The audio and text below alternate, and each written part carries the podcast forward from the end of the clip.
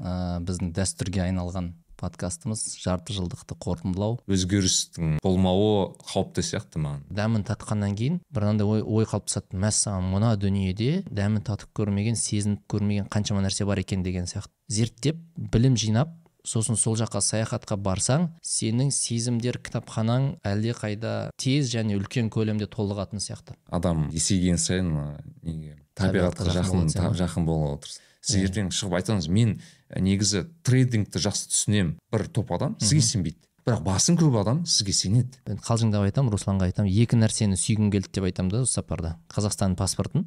Сосын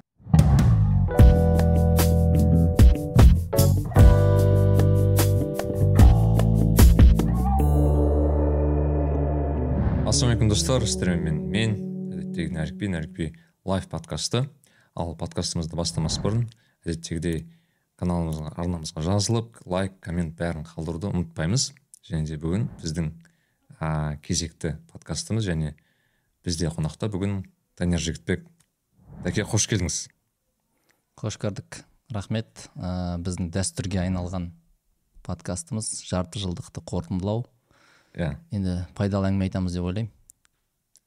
Ә, жарты жылдық мынау көрермен бізді бірінші рет тыңдап тұрған немесе осы форматты бірінші рет көріп тұрған көрермендерге бұл формат бізде басынан жалғасып келеді. Есімде осы ең алғашқы подкасттан бері менің үйім жарты жыл сайын ең болмаса жылына бір рет осындай бір қорытындылау подкасттарын жазуға тырысамыз және бұл мен үшін ол өте пайдалысы. Бұл жарты жылда біраз ә, дүниенің өзгергенін және де ең бастысы менің өмірімде немесе сіздің өміріңізде сондай бір ііі ағылшынша рефлекшн дейді ғой яғни сондай болады иә. көресің да? Яғни заман өзгергенін сен де өзгергенсің.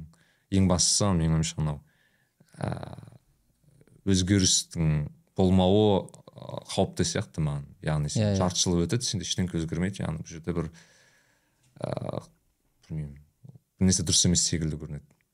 Маған ә, ескендір бестай мырзаның ә, пікірі ұнады ол біздің бұған дейінгі шыққан ә, подкастымыз болды ғой желтоқсан айында. 2022-нің екінші жартысын қорытындылаған подкастымызға қатысты ойын айтқан ол кісі ол айтады. Ә, мен көріп келе жатырмын осы дәстүрге айналған подкасттарды және байқағаным бір біріне ұқсамайды дейді подкасттар яғни және бір ілгерілеу басқаша ойлау бар дейді да. Бұл өте жақсы көрсеткіш деп ойлаймын. Кейде біз ойлаймыз ештеңе істемей жатырмыз дамымай жатырмыз бір орында тұрып қалдық деген сияқты. Бірақ ә, енді әркімнің подкаст түсіре беруге мүмкіншілігі жоқ. Бірақ адам егер былай сұрақ қойса мен жарты жыл бұрынғы нәрікбиге жарты жыл бұрынғы даниярға өзіне мысалы қандай ақыл айтар едім десе сол кезде егер ол ақыл айта алса демек ол өсті деген сөз. Сол бір кішігірім ремарка жасап қояйын деп. Әрине. Енді сізден бастағым келіп отыр. жарты жыл сізде өте ә, қарқынды өткен секілді. Ә, әсіресе yeah. Иә. саяхат тұрғысынан. Дәкең инстаграм қарамаған кісілер дәке біраз елді аралады. Және де мен үшін ол анау бір мен болмаған континентті араладыңыз да әлі. Иә yeah, иә. мен вроде аз саяхаттайтын адам емеспін бірақ ол континентке әлі жете, жете қоймаппын жер шарының ол бөлігіне деп айтайын әлі былай. Иә иә. Жете қоймаппын. Енді иә бір саяхат деген тақырыптан бастасақ бірінші жарты жылдық несіме есте қалды десе ол ә, көктемде оңтүстік америкаға сапарлап қайттық. Руслан досым екеуміз. Ә, атап айтқанда бразилия мен аргентинада болдық. Енді ерекше сапар болды. Өйткені біз елестете алмаймыз ғой. Мысалы ол жақты білмейміз. Твдан көресің интернеттен көресің бірақ өз көзіңмен көргенде басқаша әсері болады. Және менің білуімше ол жақ былай дубай емес турция емес қазір европаның өзі швейцарияның өзі мысалы қазақтар жиі баратын жерге айналып кетті ғой. Андай бір таңсық емес та сол үшін ә, сол сапарға бару ұм, бір жақсы сезімдер тудырады. Яғни андай болады ғой ешкім көрмеген нәрсені көрген кезде сен ешкім ойламайтын ойды ойлай бастайсың деген сияқты. Сол кезде бір андай іштей бір мақтаныш сезімі пайда болды. Яғни ә, мен ана жақты көре алдым. Яғни мен басқа біраз адамға қарағанда ерекшелене түстім деген сияқты бір ой болады бір жақсы сезім да бір. Ә, бұл андай мақтану мақсатында айтып жатқан жоқпын. Жалпы андай өсу мақсатында. Содан кейін менде бір мынандай инсайт пайда болды. Ә, мысалы австралияға бару деген сияқты адам бара бермейтін жерлерді ашу деген сияқты. Өйткені шынымен де сен көкжиегің кеңейді басқаша ойлана бастайсың деген сияқты бір сондай инсайт. Енді инсайттар көп болды бірақ ә, мысалы ә, мысалы айтады ғой басқа адам сияқты болғың келмесе ә, басқа адамдар істемейтін нәрсені істе деген сияқты. Соның ішінде саяхаттың да ерекшелеудің бір тәсілі ешкім бара бермейтін жақтарға бару. Енді ана жерде енді патагония деген жер бар еді. Енді ол жаққа барсақ онда тіпті күшті болатын еді. Былай айтқанда потологын қойып тастауға болатын еді. Патагония деген ә, аргентинаның оңтүстігінде антарктида иә. жақын пингвиндерді көруге болатын жер да ол жер. Ол мысалы біз барған буэнос айрес бар ә, игуасу сарқырамыз ол жақта күн жылы негізі тропиктік. Ол жерде енді кәдімгідей жаздық жаз былай мен кейде қалжыңдап айтамын менің биыл екі жазым бар деп ше. Бір жазды ана жақта өткеріп келдік екінші жаз қазір болып жатыр деген сияқты бір қызық сезімді. Бір жылда екі мезгіл. Сол кезде ал ана солтүстігіне куртка киіп бару керек болды да. Сосын hmm. курткамызды алу ыңғайсыз болды. Қайтадан әдеттегідей бір ақ рюкзакпен бардым. Соның өзі жеткілікті. Соның өзінде де анау қазақ репаблигімді неде қалдырып кеттім да буэнос айрестің ә, несінде әуежайында. Күн өте ыстық. Бізде суық болды ол кезде көктем ә, ақпан айының соңы болатын. Сөйтіп бардым да енді киім тастайтын жоқ ана жерге біреуге енді бір андай өзінше бір қайырымдылық ойларың пайда болады ғой. Мына жақта бір кедейге кигізіп кетсем ба қазақ репабликті деп ана толстовканы сөйтіп қарасам бәрі күн ыстық қой енді. Футболкамен немен кімге беретінін білмеймін әуежайда қалдырып кеттім мен сол жақта. Білмеймін yeah. кім кигенін бірақ кейін қарасам аргентинада күз деген түсінік бар екен. Кәдімгідей ветровка киіп жүретін уақыт болады екен да. Біз біз күздің біз былайша айтқанда наурызда бардық. Олар үшін біздің қыркүйек сияқты да ол. Сондай бір. Ә, жарты шар ғой не? Басқа жарты шар да. Сол үшін оңтүстік жарты шар. Сол үшін енді бәлкім қазір біреу жаурап қазір оларда қыс қателеспесем. Салқындау киіп жүрген шығар деп ойлап қоямын енді. Қазақ репабликті бір. А не сияқты ғой да тіпті даже осы маған анау ә, менде сол оңтүстік америка латын америкасының әріптестерім бар солар да айтады да бізде қазір қыс болып жатыр деп түсіндіреді емес австралияның адамдары сол кезде ойлайсың қалай деп иә иә сөйтсе енді қызық сол басқа жарты шар иә анау бойлық географияны өтіп едік қой бойлық ендік деген сияқты. Біріншіден экватордан төмен біз экватордан жоғарымыз. Меридиан сызығының біз оң, оң жағындамыз олар сол жағында деген сияқты бір басқа ыыы былайша айтқанда өлшемдер да ана жақта. Қызық ә, атлант мұхитының ар жағы деген сияқты енді қызық жерлерді өмірімде ең алғаш рет ұшақпен ұзақ ұшқан сол болды 14 сағат барселонадан буэнос айресқа дейін. Сондай сондай бір қызық андай болады ғой бір әр саяхатқа барған сайын сен басқа адам боласың деген сияқты. Андай шынымен де ойлау көкжиегің кеңейіп кетеді. Сосын ештеңеден бір қорықпайтын сияқты болып қаласың ба сондай бір. Тәуекелдің несі резервуары кеңейетін сияқты да. Сондай. сенде де қателеспесем ә, сапар болды. Бірақ ол менде менде рухани сапар. рухани басқа өлшем бару біз енді физикалық тұрғыда орын ауыстырсақ енді рухани тұрғыда орын ауыстырдың қалай болды иә. енді көрермендерге айтатын болсақ мен ыыы ә, меккеге барып қайттым. Мекке медина осы ә, киелі жерлер деп айтайын. Бірақ бұл сапарымның болуынан болары қызық болды да негізі. Мхм. Өйткені бір сөз бар ғой ыыы ол жерлерге сен өз еркіңмен бармайсың ол жерге сен тек шақырту болса келесің деген сөз бар ғой. Мен бұрында түсінбейтінмін ол сөзді. Бәрі айтады да шақырса барасың шақырса барасың мен қалай шақырады деген сияқты. Сөйтсем шынымен сондай сондайға ұқсады өзім. Өйткені мен қалап жүрдім да бір ай бір жол түспей жатыр. Жол түспегенде қалай мысалы сен? Мен мысалы қазір енді европада тұрғандықтан қазақстанға барғанда қазақстанға баруды жоспарлаймын кәдімгідей. Яғни келген кезде жоспар менде былай былай былай істеймін. Ал осы жолы ә, мен дәл сол рамазан кезінде баруды жоспарладым. Бірақ алғашқы бұл соңғы бір он күнде бір кейбір жоспарланған заттар өзімен өзі бір болмай қалды да. Жағдайлар болып. И менде уақыт босап қалды. Мен келу жоспарым өзгеріп кетті да бірден. Сонымен ә, дәл сол рамазанның бас жағында сондай уақыт болып қалды менде сол мүмкіндік пайда болды баруға мхм. Соны біраз ойланып қой енді бару керек шығар деп бүйтіп тәуекел етіп бардық ыыы өте ерекше. Ерекшелігі неде бағана сіз айтпақшы ол ыыы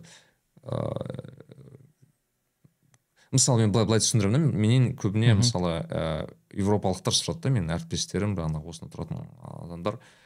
Барып келгеннен кейін өйткені мен біртүрлі көрінеді мен шашымды алып тастадым. Ыыы бір иә. басқаша болып келдім да олар үшін. Сол кезде олар сұрады не үшін бардың қандай жер ол көп енді ол жақты жер шарын білмейді да.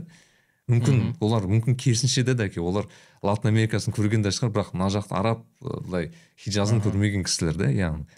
Сол ыыы кісілер сұрайды яғни ол жердің не көретін жер бар? Енді олар яғни ол кісілер енді вестерн ворлд дей ма олар оны бір туризм көзімен қарайды ғой. Мхм не көрсе болады деген секілді. Ыыы қызығы мен оларға түсіндіріп айтамын да мен, се- мен, мен сендерге ә, ол жердің туризм жағынан түсіндіре алмаймын деймін да. Мм. мен туризм үшін бармадым мақсат ол емес болды деймін да о баста. Иә иә. Яғни бұл жердегі бір айта кетерлік зат кез келген саяхат жалпы өзінің мақсатына байланысты жүреді, екен да негізі. Яғни сіздегі мақсат мысалы бағанағы игуасуды көру бағанағы латын америкасын Иә, иә. зерттеу ә, бағанағы мәдениетпен танысу тағы басқа болатын болса менде ондай мақсат болмады да яғни мен басқа мақсатпен келдім. И маған осы әуежайдан түсіп осы жиддадан түсіп ә, сол қайтқанға дейінгі осы бір таңғалдырған зат келген жалпы барлық адам мхм. дәл меккеге келген адамдардың барлығы бір ақ мақсат үшін келеді екен да. Мм, мхм. Жалғыз мақсат құлшылық мақсаты ғана да бұл жерде ба- бәрі болса иә. Яғни мысалы сіз барселонаға бардыңыз да дәке барселонаға ұшып келдіңіз бір әуе бір әуежайдан түстіңіз бір ә, ұшақта. Әр осы пассажирдің әр адам отырған адамның өзінің бір мақсаты бар да барселонаға қатысты. Яғни бір адам там бір церковьті көруге ана шіркеулерді көруге бір адам там досын көруге бір адам ә, суға түсуге су- суға түсуге тағы басқа. Ә, яғни әркімнің мақсаты әртүрлі да. Бірақ осы ә, ұшақпен бағанағы жиддаға келе жатқан жолда барлығының барлығының түгел мақсаты бірақ та. Сол ерекше да мен үшін. Яғни сен қаншама елден адамды көріп бірақ мақсаттарың бір жалғыз бір зат үшін ғана келгенін байқайсың. ол сезіле ма? мысалы андай сезім деңгейінде мысалы адамдардың бір мақсатпен жүргені мысалы болады ғой бір компанияда жұмыс істеген кезде ә, мысалы сезесің да бір мақсатта жұмыс істеп жатқанда ерекше бір күш сезіледі да. Бәрі бір жерден шығып жатқан сияқты. Сол сияқты ол бір білмеймін оны тек қана сезіну керек сияқты бір бәрі бір мақсатты көздеп келгені бір ауада бір, бір қалай сезіле ма дегенім ғой сезіндің ба соны? Ә, менде мынандай сезім пайда болды. Мен өмірімде дәке өмірімде сонша көп халықтың бір жерде шоғырланғанын көрмегенмін өйткені мен ә, қанша миллион болды шамамен? қателеспесем болды. мен осы ма яғни бір иә рамазанның соңғы он күні болды ғой дәл. Және ол күндері яғни меккеде ең көп адамдардың саны бір рекорд деп айтты өздері. Ә, қадір түні қателеспесем бір үш миллион немесе төрт миллион адам болды деп айтты да. Тек сол ненің жан жағын айтты әл харамның жан жағын айтты да олар. Яғни менің көзімше үш миллион адамды елестету қиын. Қалай үш миллион адам бір жерге сыйып кетеді жалпы. А өйткені мысалы ақша болады ғой мына? Пачка деген сияқты. Сол сияқты. Адам қалай болады деген сияқты ғой. Иә анау мысалы стадионды бір елестетесің. халықтар- бір европада мысалы халықтар бар да? Олардың барлығы барлық халықтың саны бір бір жарым екі миллион халықтар бар ғой. Мысалы айталық ә, эстония мем- мемлекеті бар. Есімде болса бір жарым миллионнан шамалы шамалы мемлекет та енді ойлаңызшы бір халықты сол бір мешітке былай сыртына жинап қойсаң қалай болады деген сияқты да? А- әл харамда сол секілді. екі миллион эстондықтар ғана жүр бүгін осындай король рұқсат берді деген сияқты иә жоқ сондай ғой яғни елестету қиын ол бір екі ә, мен осыншалықты ә, көп не- және осыншалықты әртүрлі адамдар көрмеген екен өмірімде әртүрлі деген қалай мысалы байында кедейінде бағанағы жасында кәрінде бір Қарасында, апа ағында. қарасында ағында мен ондай көп мұсылмандар көрмегенмін ондай әртүрлі мұсылмандарды өмірімде. ол мені қатты әсер шынымен мен мен көбіне сол адам зерттеумен болдым. Мысалы мен ол туралы айтқанда мен мысалы ті- тіпті тұрған мынау ә, қонақ үй ол бағанағы меккенің былай енді мықты бір қонақ үй болған жоқ та. Өйткені қызығы ол күндері табу тіпті қонақ үй табу да қиын екен да. Қай қонақ үй табасың соған кіресің жалпы. Ыыы яғни менің бір қонақ үйім бір ескілеу қонақ үй болды шыны керек бірақ ыыы одан бұрын ол контингент қонақ үйде болған ол көбіне бағана арабтар болды бірақ арабтар болғанда ирак ирактың арабтары болды да. Мхм және де ол кісілермен былай не істеуге тырыстық та енді араб өзіңіз білесіз бұған с- араб тілінде сөйлеседі. Ағылшынша сені түсінбейді ешкім. Иә ә, және де ол жерде барып арабша сөйлей бастадым шынымен мысалы. Мхм. Ә, барына ғана бұрындап оқыған арабшаның барлығын қосып бағана арабшамен сөйле сөйлеп сол буквально бір, бір аптаның ішінде ә, бір білмеймін арабшаға деген бір нем пайда болды да. Мхм. сөйлейтін ортаға барсам бір күшті екен ғой деген секілді негізі. Ә, мен осы жалпы бағана айттым ғой са- саяхатқа не үшін шығу керек деген сұрақ туылады ғой туады ғой. Мен бұл сұраққа былай жауап берген болар едім. Ә, негізі ә, бізді әрекетке итермелейтін білім емес екен. Яғни біз адам білген істейді деген бір иллюзия негізі өтірік. Өйткені адам көп, көп білетін адамдар бар, бар бірақ істемейді ештеңе. Сол кезде адамды әрекет еткізетін не деген сұраққа мен өзімше жауап таптым. Ол эмоция сезім деген нәрсе екен. Яғни адам сол сезім болса әрекет етеді. Сосын ә, мынау саяхатқа барудағы мақсат менің ойымша ол бағана сезімдер кітапханасы деген түсінік бар ғой. Сен се- эмоциялар орысша впечатление дейді. Әсерлер ә, бір базаң болу керек та адам. Соны толықтыру мақсатымен бару керек екен. Өйткені сен ә, бәрібір де қанша жерден ана жерге бармасаң бағана игуасуға бармасаң ә, меккеге бармасаң сен ол сезімдерді мына жерде тұрып сезіне алмайсың. Өйткені бағанағы сезімді қабылдау мүшелерің бар ғой бес мүшең көзің құлағың бәрі қосылып келген кезде бір сезім тудырады да. Сол үшін мен айтқан болар едім ә, саяхатқа шығу бағана сенің сезімдер кітапханаңды байытады сол үшін бұрын соңды мен ойладым мынандай бір менде ой пайда болды. Мәссаған біз неде бразилияда андай не деген кокос бар ғой кәдімгі? Иә. кокостар сатады. Сонымен енді алғаш рет кокосты іштім да андай. Кокос береді трубочка тығасың да сонымен ішесің да. Иә, енді андай қызық та ә, дәмін татқаннан кейін бір андай ой, ой қалыптасады мәссаған мына дүниеде мен әлі дамын, дәмін татып көрмеген сезініп көрмеген қаншама нәрсе бар екен деген сияқты бір есік ашылды да. Сосын ә, мен ойладым ә, саяхатқа жалпы осы мақсатпен шықса да үлкен жетістік. Ал енді осы жерде білімнің қандай қатысы бар деген мүмкін сен де қазір өз тәжірибеңнен биылғы сол сапарыңнан толықтырып жатарсың. Ә, сен көбірек сезім жинау үшін сенде көбірек білім болу керек дейді. Мысалы біз барселонаға бардық та ана жерде гаудидің стиліндегі үйлер бар. Енді мен ана жерде бір адамдар болды да кәдімгідей тамсанып бір орында қатып қалып бүйтіп қарап тұр да. Мен үшін бір тастар да иірімі бар бір тастар. Енді түсінбеймін ғой. Мен ана кісілер сезініп тұрған нәрсені сезіне алмаймын. Өйткені менде білім жоқ та. Ә, бәлкім егер мен сол барселонаға бармастан бұрын сол гаудидің ә, шығармашылығын зерттесем ол өнер қандай бағытын зерттесем мен ана жерде көбірек әсер көбірек сезім жинайтын едім. Дәл сол сияқты мысалы меккеде де мысалы сондай ғой. Ә, мекке мединаға құлшылық деп барамыз бірақ та мысалы ухудта қандай оқиға болды ә, болмаса мына жерде әл харамның жанында қандай оқиға болды мына жерде қандай болды деген сияқты білімің болса сен көбірек сезім сезім жинайсың ал егер білімің болмаса онда қарапайым турист сияқты а, тастарды көресің ана құрылысшы болсаң сен ана жерде кірпіштерді көресің мә мына жақты несін брусчаткасын жақсы жасапты ғой деген сияқты кафельдерін жақсы төсепті ғой деген оймен қайтасың да Иә. сол кезде мен түсінгенім ә, жалпы енді саяхат тек қана шетелмен ше- шектелмейді ғой. Мысалы былайша қазақстан ішін аралау деген сияқты. Бірақ сол нәрселерді зерттеп білім жинап сосын сол жаққа саяхатқа барсаң сенің сезімдер кітапханаң әлдеқайда ә, тез және үлкен көлемде толығатын сияқты. Осыған қалай қарайсың? Қандай сенде? Мысалы сенің осы сапарда қандай сезімдерге толықты сезімдер кітапханаң мысалы үшін?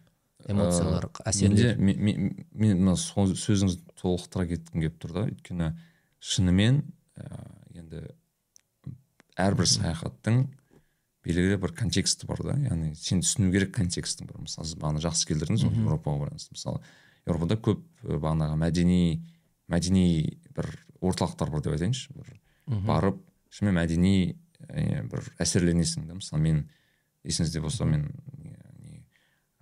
испанияның оңтүстігі туралы айтып едім кордова иә иә андалусия жақ туралы. Өйткені мен ол туралы өте көп оқыған кезімде.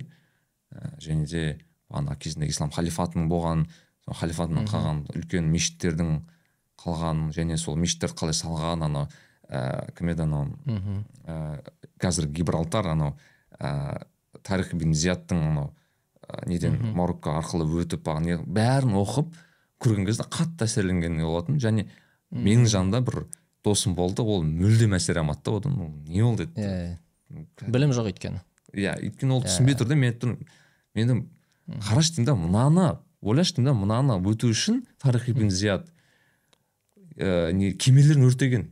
Шынымен сондай бар ғой. Яғни тарих ибн зияд деген кісі ол бағанағы испанияға кірерде анау кемелер қонған ғой ана марокко арқылы өткен кезде тұрғанда барлық кемесін өртеп жіберген да қайтарға ана сжигать мосты деген сөз содан пайда болған дейді негізі. Иә иә. Негізі ол ғой. мосты емес сжигать корабли деп айтады да олар яғни олар өртеп сен қайтарға жол жол қалдырмайсың да.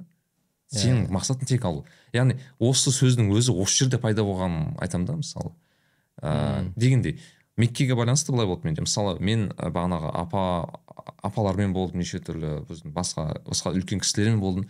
Сол кезде мысалы мен алғаш былай аль харамның жанына өтіп бара жатқан кезде маған ә, тіпті ә, не ә, мынау қағбаның өзі емес шын айтқанда. Маған былай қағбаға осы аль харамға кіре, бас, кіре бастаған кезде есіңізде болса андай бір ә, пайғамбар үйі, үйі бар.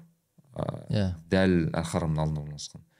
Ә, өзі бір жол бар мынандай ол жерде қазір кітапхана тұр есімде болса. Ә, мына жерде ә, өтіп бара жатқанда маған гид айтты да мына жерде пайғамбар үйі, үйі болған деді өтіп бара жатқанда гид айтты да мына мына үйдің жанында ә, мына, мына жерде жаңағы ә, пайғамбар пайғамбарымыз саллаллаху алейхи уассаламның ә, үйі болды. Ал мына жерде бағанағы мына абу жахилдің бағанағы әбу лахабтың бағанағы үйі болды дегендей.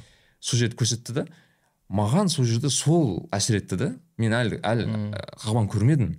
Бірақ дәл сол жерде мен қатты әсер алдым. Өйткені мен бағанағы пайғамбар барлық несін оқығанмын ғой енді. Оған дейінгі бағана білім жинаған білімім осы жерлер еді да яғни иә осы бір кішкентай ғана осы алаң осы алаңда қаншама бағанағы ә, оқиғалардың болғанын сезіндім да сол жерде. Дәл дәл сол жерде и мен таң қалдым да мен қанша рет қанша осы кітап оқыдым қанша бағанағы адамдардың сөздерін естіп жүрген соның бәрі осы ақ жерде болған да. Осы осы бір бары кетсе бір неде кішкентай ғана жерде болған ғой негізі деп ойласаң. Содан маған қатты әсерлендім да. Бағанағы қағбаның әсері енді бөлек қой. Айтқым келгені оны жанындағы бір мысалы үлкен кісілер әсіресе мүлдем сезіне алмады иә. Байқағаным ол кісілер оны мен мүмкін кешіріп келген бе екен бірақ ол кісілер оны сезіне алмады. И ол кісілер оны түсіндіре, де алмады ол кісілерге. Яғни бағанағы гид мырза түсіндіруге тырысады. Оны осылай болған былай болған бірақ әсерлену жағынан айтамын да. Яғни әсер ала алмайсың ол бір мысалы екінші мысалы хирангүрін білесіз өзіңіз.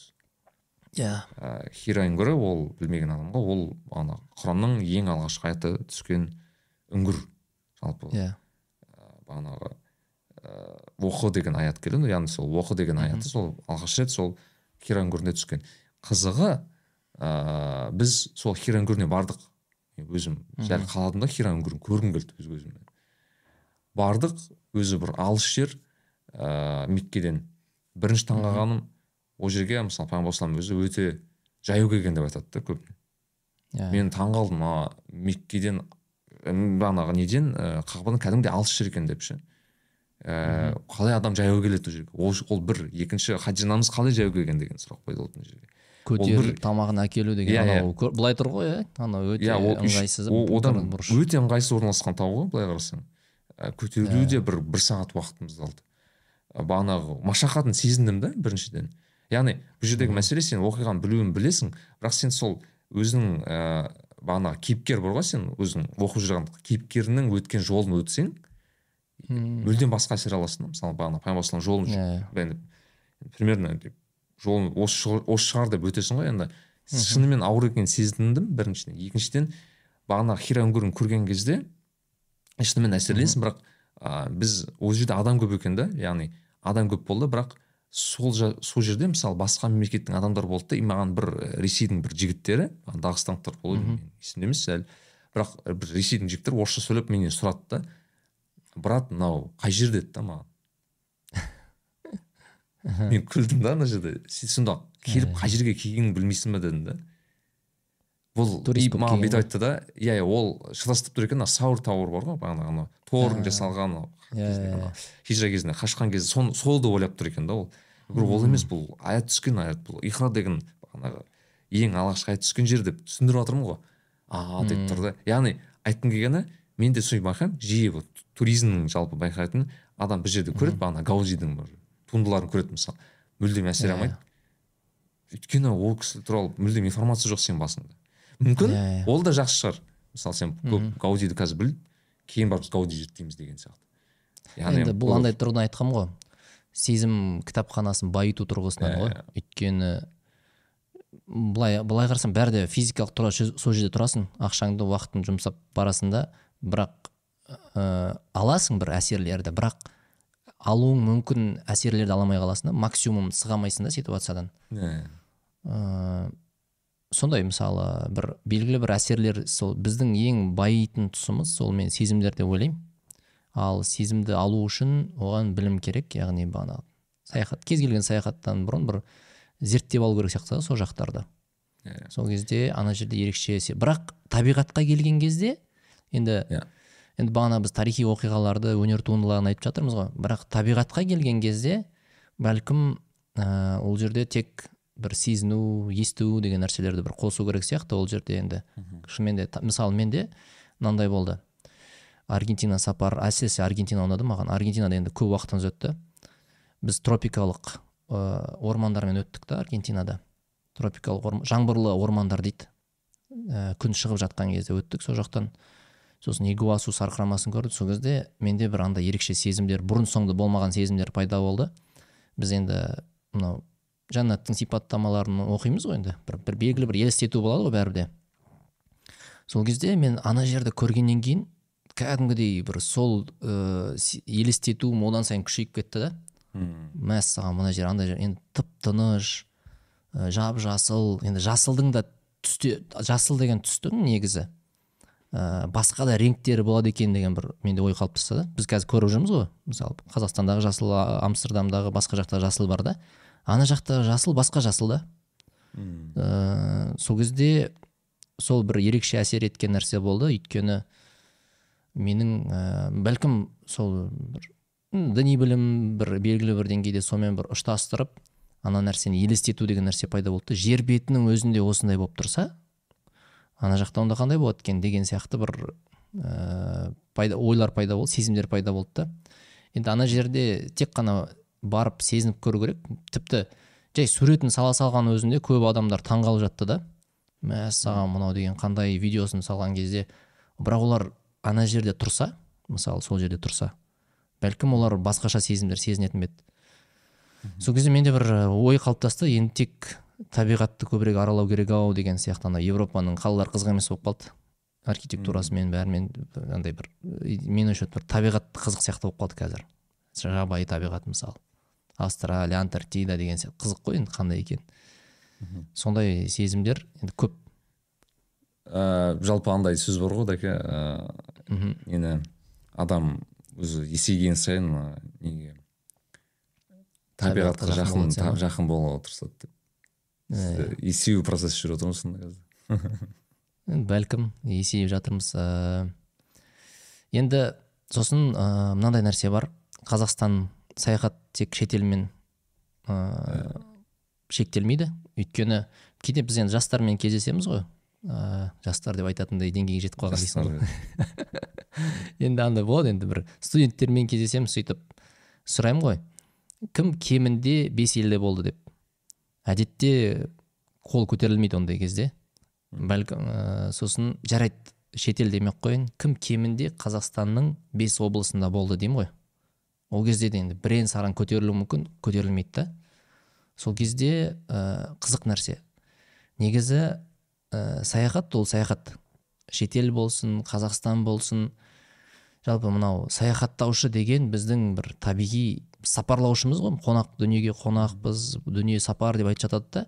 Біз осы өзіміздің ішіміздегі ана функциямызды оятуымыз керек сияқты. Андай маңызды емес қой сен? Қай жерде сапарлайсың сен? Көрші ауылға сапар жасайсың ба? Көрші облысқа барасың ба? Көрші мемлекет көрші материкке барасың ба? Ол маңызды емес. Бастысы сенің образың. Бағанағы саяхаттаушы образ деген сияқты.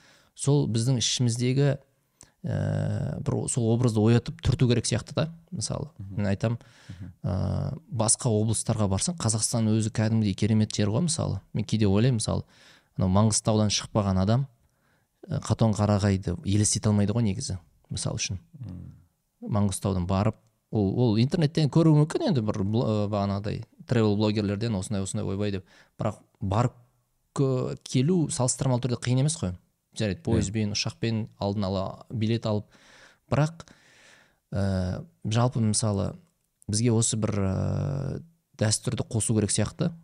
Мысалы мынау қазір нағыз жаз кезі қазір бәлкім осы подкаст шыққаннан кейін мысалы қазір нағыз кезі бір шығыс қазақстанның алматы облысының табиғатын көретін нағыз әдемі кездер да. Сол үшін ә, бізде жалпы. Және бюджет жағынан да бұл мысалы аргентина сапарының өзі тек ең қымбаты ұшақ қана болды ол. Ұшақ мысалы тікелей біз европаны араладық сол деген сияқты. Бірден алматыдан баратын болсаң негізі қымбат емес. Аргентинада ә, көп нәрсе арзан. Біз анау аргентинаның ішіндегі ұшақтарда бизнес класспен ұштық қой негізі. Мен бір д деген жерде отырдым ғой өмірімде бірінші рет. бір д деген жерге отырдым. Аргентинада негізі арзан былай біз көп ойлаймыз ә, андай қымбат шығар деп. Жарайды енді бәрі ақшаға келіп тіреледі деп ойлайсың бірақ олай емес негізі. Ә, жарайды аргентинадан бұрын мысалы мынау қазақстан өзін ә, аралай бастаса адам ода анау саяхаттаушы деген образ бекиді сөйтіп ол одан сайын анау бас адамды образ ғой негізі жетелейтін әрекеттерге. Сол образ арқылы оның тек қана уақыттың еншісі ғана басқа елдерге саяхаттау. Сол кезде ә, менде мынандай бір тағы да бір қатты енді оны ойша түсінесің көп адам түсінеді оны ойша бірақ сезім деңгейінде оны сезіне ал, сезіне, сезіне алу керек деп ойлаймын. Мысалы менде мынандай болды да. Ә, мен рюкзак мынау жиырма бір күндік сапар болды ғой. Бірінші европа ә, бағанағыдай прага барселона. Сосын ә, аргентина бразилия сосын стамбулда екі күн қайтып келу. Осы сапардың бәріне мен жалғыз рюкзакпен шықтым жиырма бір күнге. Жалғыз рюкзакпен шықтым. Ә, салмағын өлшеп көрдім. Үште тоғыз килограмм болды рюкзак. Ә, яғни мынандай бір ойға беки түсті да сезім деңгейінде. Біз зат жинайды екенбіз да негізі өмірде. Негізі зат емес ә, әсер жинауға ұмтылу керек. Бағана впечатление дейді ғой. Өйткені сенің өмірің ә, секундтардан емес сәттерден тұрады екен. Ә, яғни осы нәрселерді жинауға күш салу керек екен.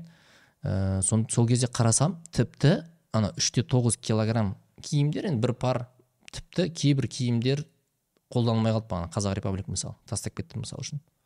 Кейбір киімдердің ә, керегі де жоқ екен болып қалды да. Мен былай ойландым ғой. Ана жерге барғанда енді шли бір нәрсе бол, болмай бара жатса сатып ала салуға болады сол жерден деген сияқты. Сондай бір оймен бардым да. Ал бізде қазір мен байқаймын мысалы әсіресе ата аналарымызбен бір қазақстан ішіне сапарға саяхатқа шығайын десек қазақстан мысалы екі күн сапардың өзіне кәдімгідей көп заттар алып алады. Өйткені мен бірнеше рет басында солай істегенмін ғой. Бірнеше көп заттар запаспен алып аласың да бірақ шын мәнінде оның көбі керек емес екенін түсінесің. Ә, сол, сол үшін мысалы енді бәлкім бізге қазіргі қазақстан жалпы жағдай бәлкім жеке өзіміздің жағдайымыз бәлкім бір айналамыздағы жағдай сонда, солай ойлауға мүмкіндік беріп жатқан шығар ол өте жақсы. Яғни зат емес әсер жинауға ұмтылу. Жастық шағым мысалы айтады да жастық шағың өтіп кетеді бәрде. Жастық шағың өтіп кетеді.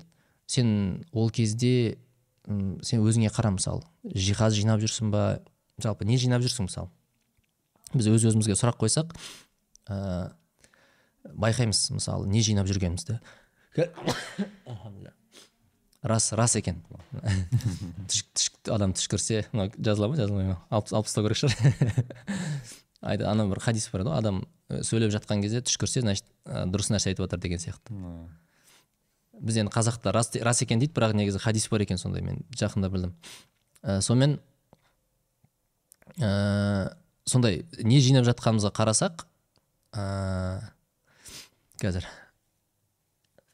Не жинап жатқанымызға қарасақ көре аламыз да қазіргі жағдайымызды. Сол кезде мен түсінгенім жастық шақта енді немен айналысуға болады деген сұраққа ә, білім жинау керек сосын әсер жинау керек сезім жинау керек. Сол кезде мысалы былтыр не істедің деген сұрақ біз қазір жарты жылда не істедік деген сұраққа қазір екеуміз жауап іздеп жатырмыз ғой. Есімізде сәттер сәттер түседі ғой есімізге.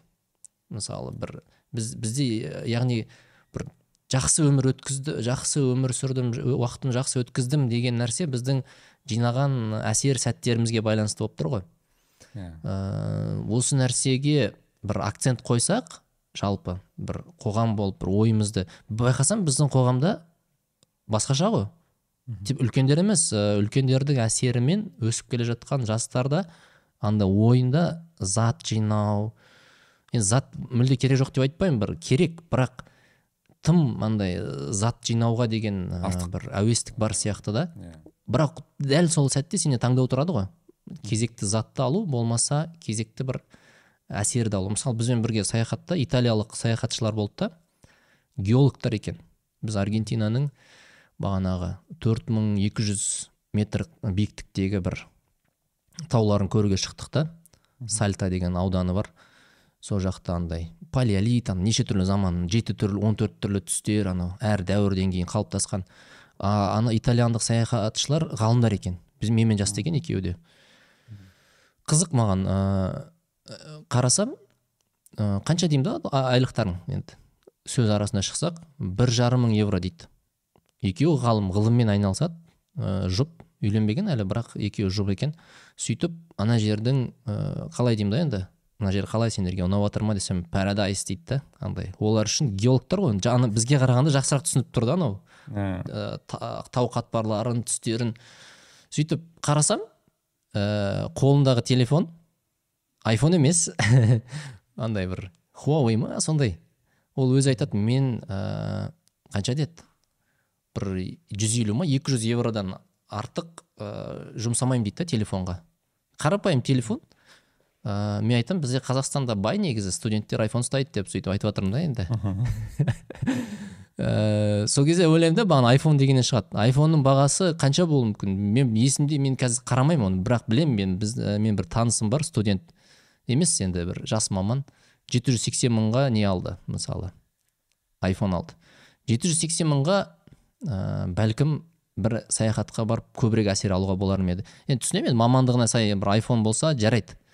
Бірақ ана итальяндықты көргеннен кейін сосын мен одан былай сұрақ ана мен кейбір сұрақтарым біздің енді қазақстандық өлшеммен қоямыз ғой сұрақтарды. Андай бір орынсыз сияқты бір көрініп қалады да мысалы мен бүйтіп сұрақ қоямын да сіз қанша елде болдыңыз деймін да анау кішкене түсінбей қалды да. Қалай ол қанша ел деген санамағанда да. Бірақ әңгіме барысында қарасам олар үшін бір елде болу деген ол жерде кемінде бір апта болу деген сияқты екен да.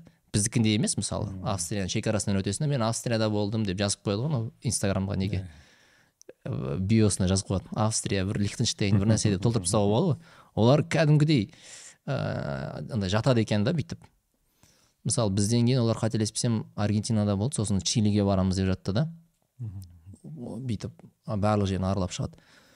Сол кезде ә, сондай бір қызық нәрсе болды. Яғни жүз мың жарым евро.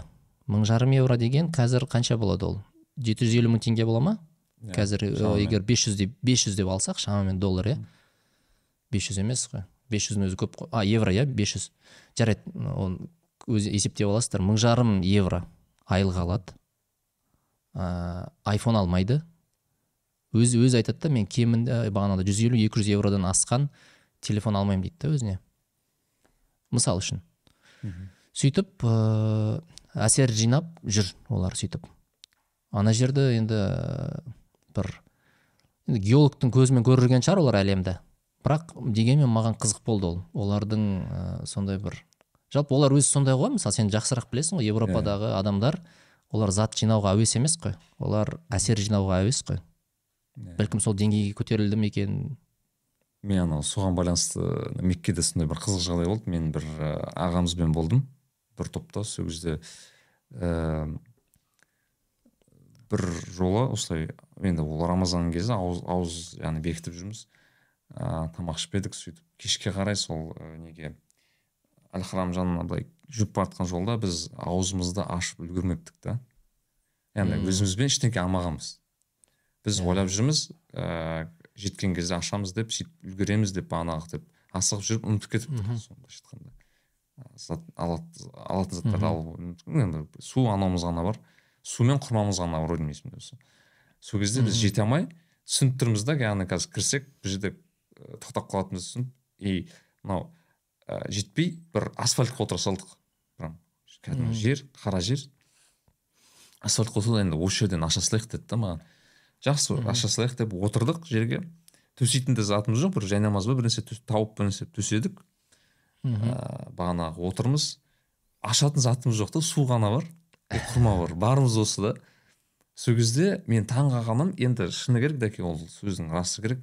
Алхарам сыртта көбіне бір ә, андай кісілер көп екен сол жақта ұйықтап не істеп жүрген.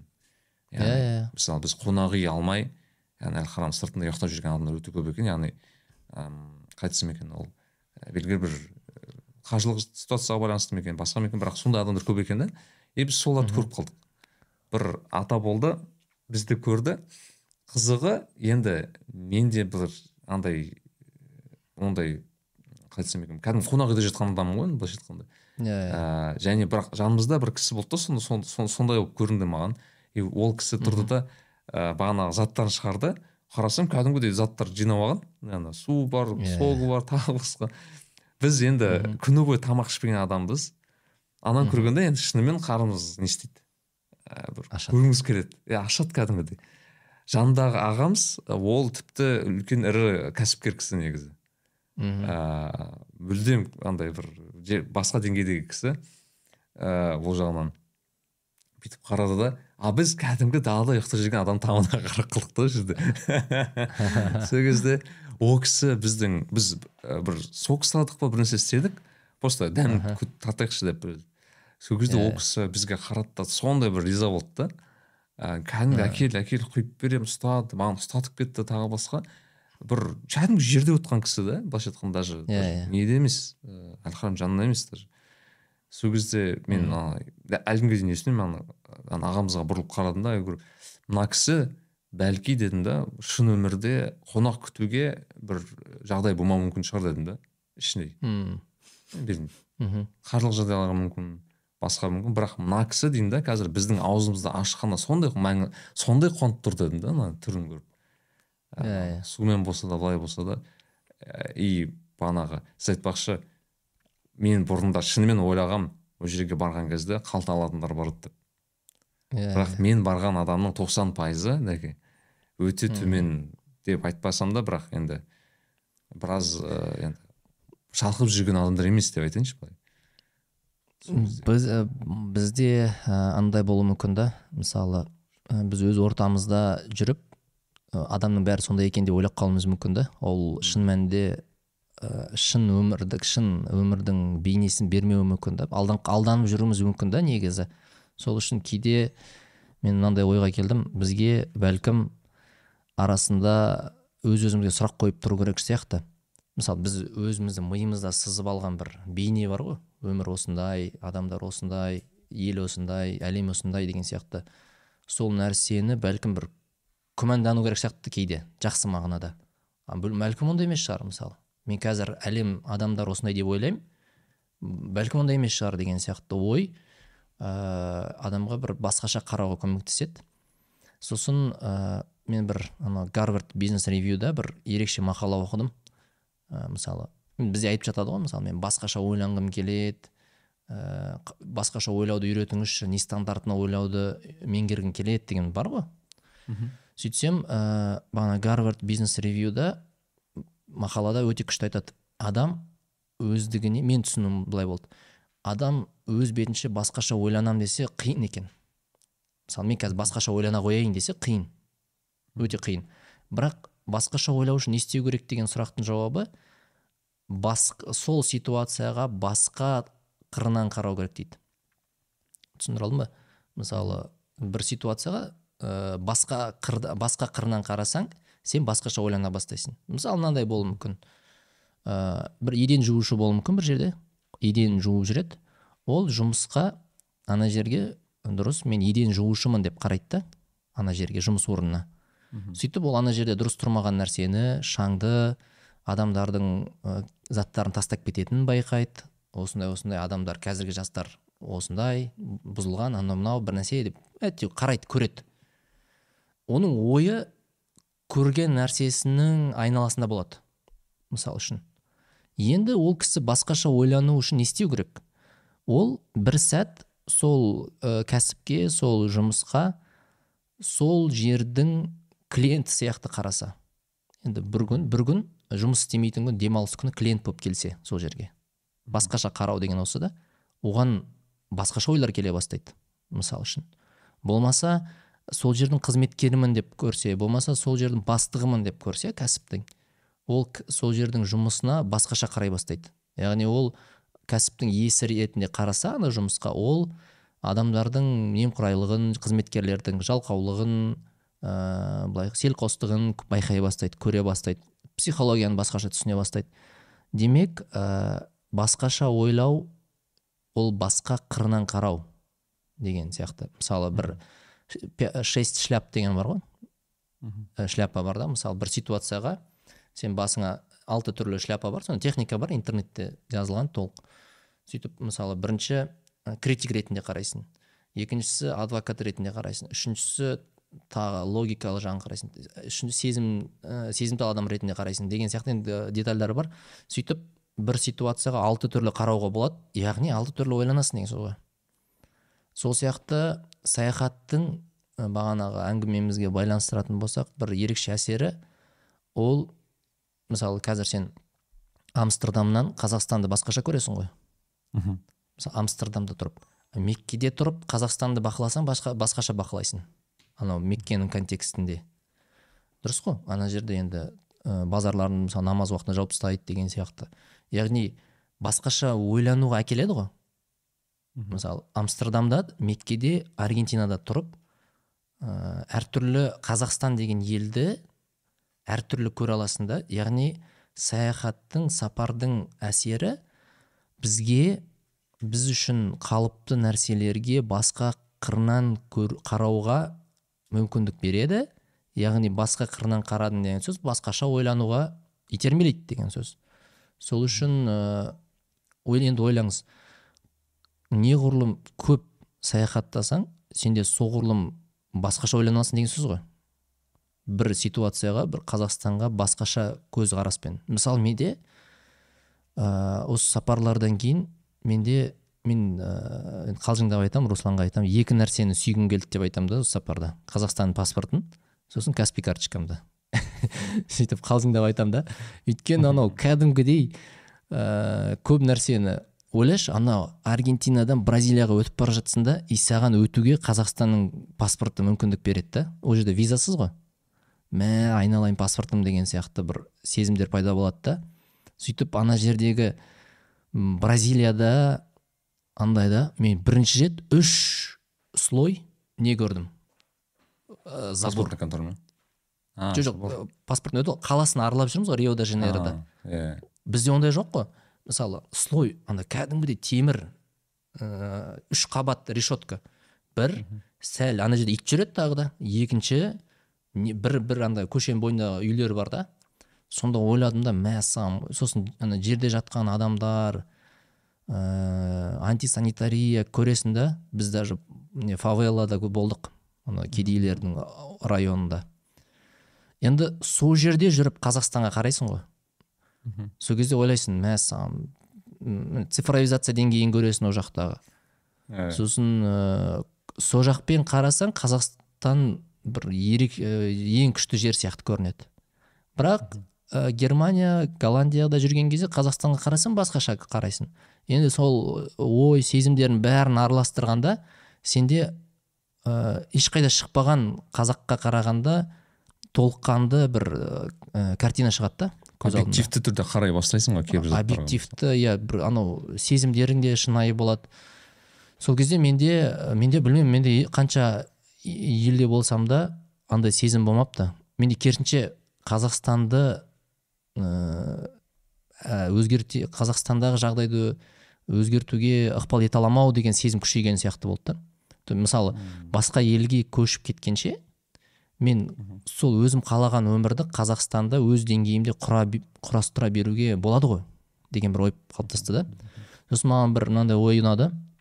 Әлеуметтік желіде белсенді болу. Сен қазір белсендісің ба мысалы? Ыыы онда онда қатты мен, мен әлеуметтік желіде белс, не үшін белсенді болу керек деген сұрақтың жауабын алдым. Сен қалай ойлайсың нареке сен айтып көрші. Е, әлде керек емес деп ойлайсың ба? Сосын мен өз ойымды айтайын. Не үшін әлеуметтік желіде қазіргі мынау контекстте айтып келе жатқан әңгімеде не үшін әлеуметтік желіде ә, белсенді болу керек? Маған саған мысалы үшін. Ыыы менің қандай идеялар бар? менің идеям бұл жерде әлеуметтік желі ол құр жақсы құрал ғой. Жеткізе алу құралы деп түсінсем. Яғни сен ііі былай активность дейді яғни сен ол активность өскен сайын сен яғни аудиторияға жеткізе алу мүмкіндігің де артады мен былай былай түсіндім оны. Ә, маған бір өте күшті жауап болды. Өзім үшін бір ізденіп ә, әлеуметтік желіде белсенді болу арқылы біз өзіміздің өмір салтымызды ә, орысша айтқанда транслировать етеміз. Мысалы былайша айтқанда мен былай өмір сүргім келеді деген нәрсені көпшілікке жариялаймыз. Неге себебі ә, бағанағы мысалы біз, біз ойлаймыз ғой біз қазақстан осындай болған қалаймыз дейміз ғой. Мысалы дамыған Иә. демократиялық адамның әр адам құқығы қорғалған сондай елде тұрғымыз келеді дейміз да сосын бізде еркіндік болғанын қалаймыз әрқайсымызда жүріп тұру еркіндігі деген сияқты. Сол арқылы саяхаттайсың ә, білім аласың бағанағыдай отбасыңмен бақыттысың мысалы үшін ажыраспағансың проблема ғой мысалы қоғамда. Сен осы нәрсені жариялау арқылы адамдарға ә, мынандай бір месседж жібересің да мен былай өмір сүргім келеді және сіздер осыған осыны қараңыздар осы нәрсе көп болсыншы деген сияқты. Біздің елімізде. То есть ә, мысалы былай. Ә, яғни мен өзім қалайтын өмірді құрастыруды мына қазақстанда жүріп құрастырудың құралы осы осылай жариялай беру. Түсіндіре алдым ба? Яғни мен ә, осы нәрсені көп болғанын қалаймын қазақстанда.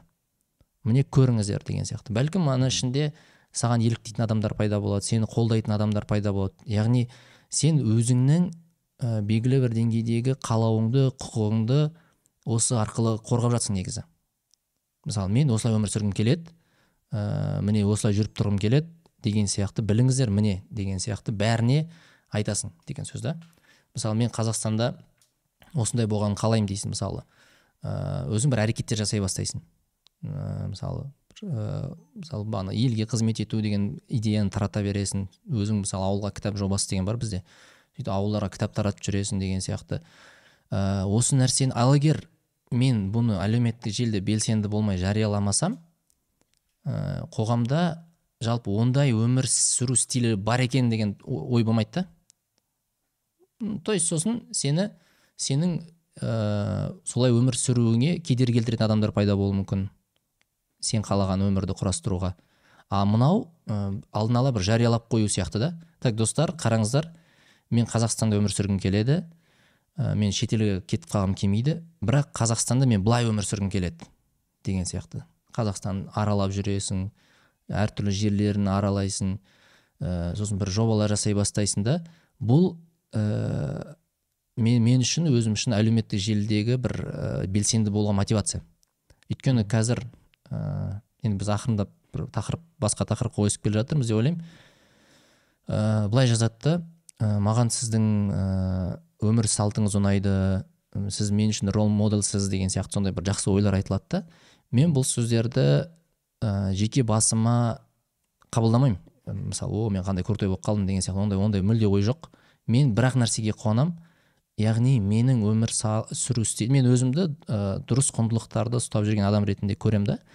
И мен мынандай нәрсеге қуанамын демек ме- ә, анау айтады ғой имеет ә, право быть деген сияқты ше орысша. Қазақша аудару қиындау.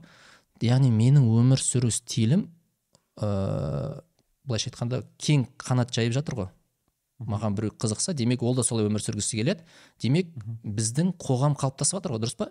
Мен өзім қалаған қоғам қалыптасып жатыр. Өзім қалаған қазақстан сөйтіп сөйтіп ақырын ақырын кеңейіп пайда болып жатыр. Және не деген сөз? Егер бұндай адамдар көп болса мен ә, өзімді бақыттырақ сезінемін ғой еркінірек сезінемін ғой. Өйткені мен қалаған өмір орнап жатыр қазақстанда көрдіңіз ба? Сол үшін әлеуметтік желіде мен ойымша белсенді болу керек. Өзіңнің өмір салтыңды көрсету керек. Бұл жерде ешқандай мақтану емес бағанағыдай таза қорғану десек те болатын шығар мүмкін. Таза өзіңнің ә, қалауыңды жаю мысалы. Сол кезде әлеуметтік желіде мысалы басқа адамдар көреді да мәссаған осындайды әсіресе жас адамдарда бізде бір не болады? Ә, өзін жоғалтып алу өзін таппау деген көп болады ғой. Сол кезде ол бәрі де мысалы 25 жасқа дейін менің ойымша мынау мынау префронтальный кора дейді ғой осы қалыптасқанға дейін адамда біреуге еліктеуге деген қажеттілік болады. Рол модель іздеу деген сияқты. Өйткені ол қай ситуацияда не істеу керек екенін білмейді. Оның өмірлік тәжірибесі жоқ әлі. Мына ситуацияда қалай істеу керек? Мына мына адаммен қалай сөйлесу керек? Сені біреу алдап кетсе не істеу керек? Ыыы тағы тағы өте көп ситуация бар өмірде сен әлі көрмеген. Сол ситуацияда не істеріңді сен білмейсің мысалы үшін. Бірақ сенің рол моделің болса саған шешім қабылдау өмір сүру жеңілірек болады. Сол кезде ол мүмкін рол моделға былайша айтқанда вакуумда сен ол жерді толтырмасаң бағанағыдай әлеуметтік желіде белсенді болу арқылы өмір салтыңды көрсету арқылы оны басқа біреу сол вакуум толтырады. Бәлкім оның құндылықтар басқа болуы мүмкін. Сөйтіп оны бағанағы не істерін білмей жүрген жас адам рол модель етіп алады мысалы үшін. Сол үшін ә, бұл вакуумды ә, толтыру керек деп ойлаймын. Бірақ енді бұл жерде бір пафосын айтпай ақ қой мысалы елді дамыту түптеп келгенде ә, бағана сен бір нең бар еді ғой бір бұрынғы? Здравый эгоизм туралы бір кітаптан оқығаным иә яғни түптеп келгенде ә, мен ә, осындай елде тұрғым келеді. Сол үшін сондай елдің ә, бейнесін ә, өзімнің қол күшім жеткенше айналамда қалыптастыра бастаймын. Және соны көрсете бастаймын. Көбірек көрсетсем көбірек адам шабыт алса көбірек адам соны қайталауға тырысса ә, вариант ретінде ұсынасың ғой көп адамға. Демек ол нәрсе көп бола бастайды.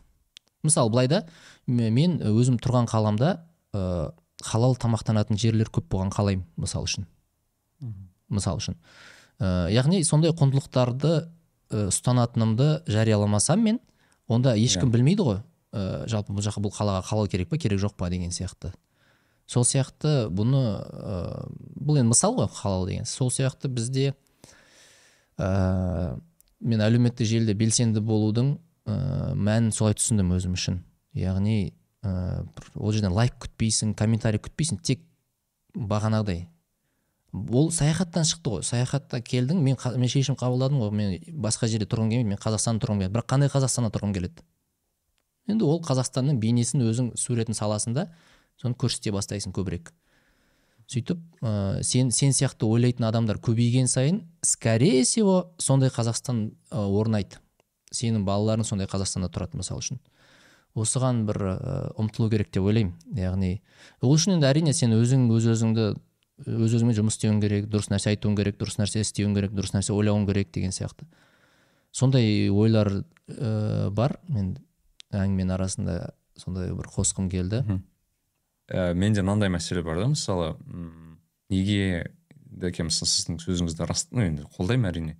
Өйткені ә, менде мысалы мынандай бір не пайда болды ә, бір ой пайда болды. Енді біз жастар деп айтқан кезде жастар деп ана өзіміз де жаспыз ғой бірақ айтқым келгені өсіп келе жатқан жас бал жас буын деп айтайыншы именно. Қазір енді мысалы мен жиырма тоғызға толдым. Енді еліктеу аздау шын айтқанда бұрынғыдан қарағанда. Иә. Еліктейтін адамдар бар бірақ саны өте аз деп айтайыншы. Ыыы бірақ мысалы он жыл бұрын ол қайда көп еді дегендей. А, айтқым келгені не? Ә, менде мысалы бір ә, сондай бір жағдайлар болды. Мысалы мен інілерім бар бағанағы басқа таныс кісілерім бар немесе көшеде көретін кездесетін танитын кісілер кейде осы жас балаларды айтамын да әрине. Сол кезде бір бір зат байқадым. Мынандай бір түсінік пайда бар, бар екен жалпы олардың арасында. Мхм. Былай айтады ә, бір кісі белгілі деңгейде танымал болса жан онда ол кісінің жасап жүргені дұрыс деген бір иә. ә, басында бір ой жатыр да. Иә оған қалай үйлеседі мысалы менің бір танысым таныс болды бір қарындасым болды. Қарындасым бар яғни Мгм. қарындасым ә, сол бір әңгіме арасында бір психология туралы бір сөйлесіп келе жатып бір психологтың бағанағы несін айтты да маған осы психолог күшті дегенде бағанағы айтады. Мен айтамын зерттеп қарасам психологы 21 жаста ормалды қыз бағанағы ә, білмеймін қанша миллион подписчигі бар ә, там миллион? Тағы басқа иә миллиондаған подписчигі бар. Тағы басқа. Енді танитын адамдар танитын шығар бірақ айтқым келгені айтқым келгені а, бағанағы қарындасым. Ол кісінің сөзін кәдімгідей ә, бір білмеймін бір заң көреді. аспаннан аспаннан аят түскендей короче былайша айтқанда бір Уахи- сондай бір уахилар келіп жатқан сияқты түсіндіріп отыр яғни андай әңгімелер кетіп жатыр да. Ол кісі айтты ғой былай ол кісі айтты ол кісі айтты мен тоқта дедім сөйлесейікші дедім да. Ол кісі кім? Дедім біріншіден бүйтіп сұрақ қойшы дедім. Ол кім? дедім. Психолог дейді я говорю қандай маман кім қандай мамандық оқыған психолог оқыған бол деймін білмеймін дейді да бірақ ә, там бір нәрсеге оқыған бар анау мынау дейді бір ойланып қарашы дедім да мен мысалы мысал келтірдім да. Егер амстердам университетінде амстердам университеті деген жақта университет бар ол жаққа ә, неге түсу үшін ә, бағанағы ә, психологқа түсу үшін пререквизит деген тема бар да. Яғни пререквизит сен қандай ә, заттармен түсуің керек қандай білімің болу керек сен оны түсіну үшін. Мхм. Ол бір өте жоғары да бірінші былай қысқаша айтсам. Одан бөлек түскеннен кейін қандай олардың атынан требование болады? Оқуға өте қиын оқу. Оны бітірдің сен да оны бітіргеннен кейін сен практиканың практиканың сағаттарын жинау қандай қиын да. саған Иә. кемі жеті сегіз жыл керек дедім негізі. Шынымен профессионалды түрде психолог деген атың болу үшін ғана. Ол Иә. бөлек бір дедім ол. Екі сен оны психологың жалғастыру үшін сен сертификация өтесің қанша жыл сайын Мгм. сен аккредитация өтесің қанша жыл сайын курс аласың қаншама мен айттым да сен 21 жастағы қыз дедім да соны жасайды деп ойлайсың ба дедім да шынымен Мм. сөйтсем ол қыз айтады Иә. былай яғни ол қыз там 14 жасында психология в общем айтқанда ә, енді өтірік әңгіме да былайша айтқанда 14 ол 21 жастағы адам психолог бола алмайды Мгм. просто қағаз жүзінде бола алмайды даже былай қарасаң. Ә, яғни айтқым келгені и сондай авторитетке толы адамдар көп екенін жалпы байқадым да. Яғни артындағы аудиториясы өте көп. Яғни сол аудиторияның айтқаны қатты соған сенеді. Яғни аудитория сенеді да сол сіз сол, сол осылай болады яғни. Егер мысалы сіздерге бір күні айтайық сіз екі миллион аудиторияңыз бар мысалы айтайық.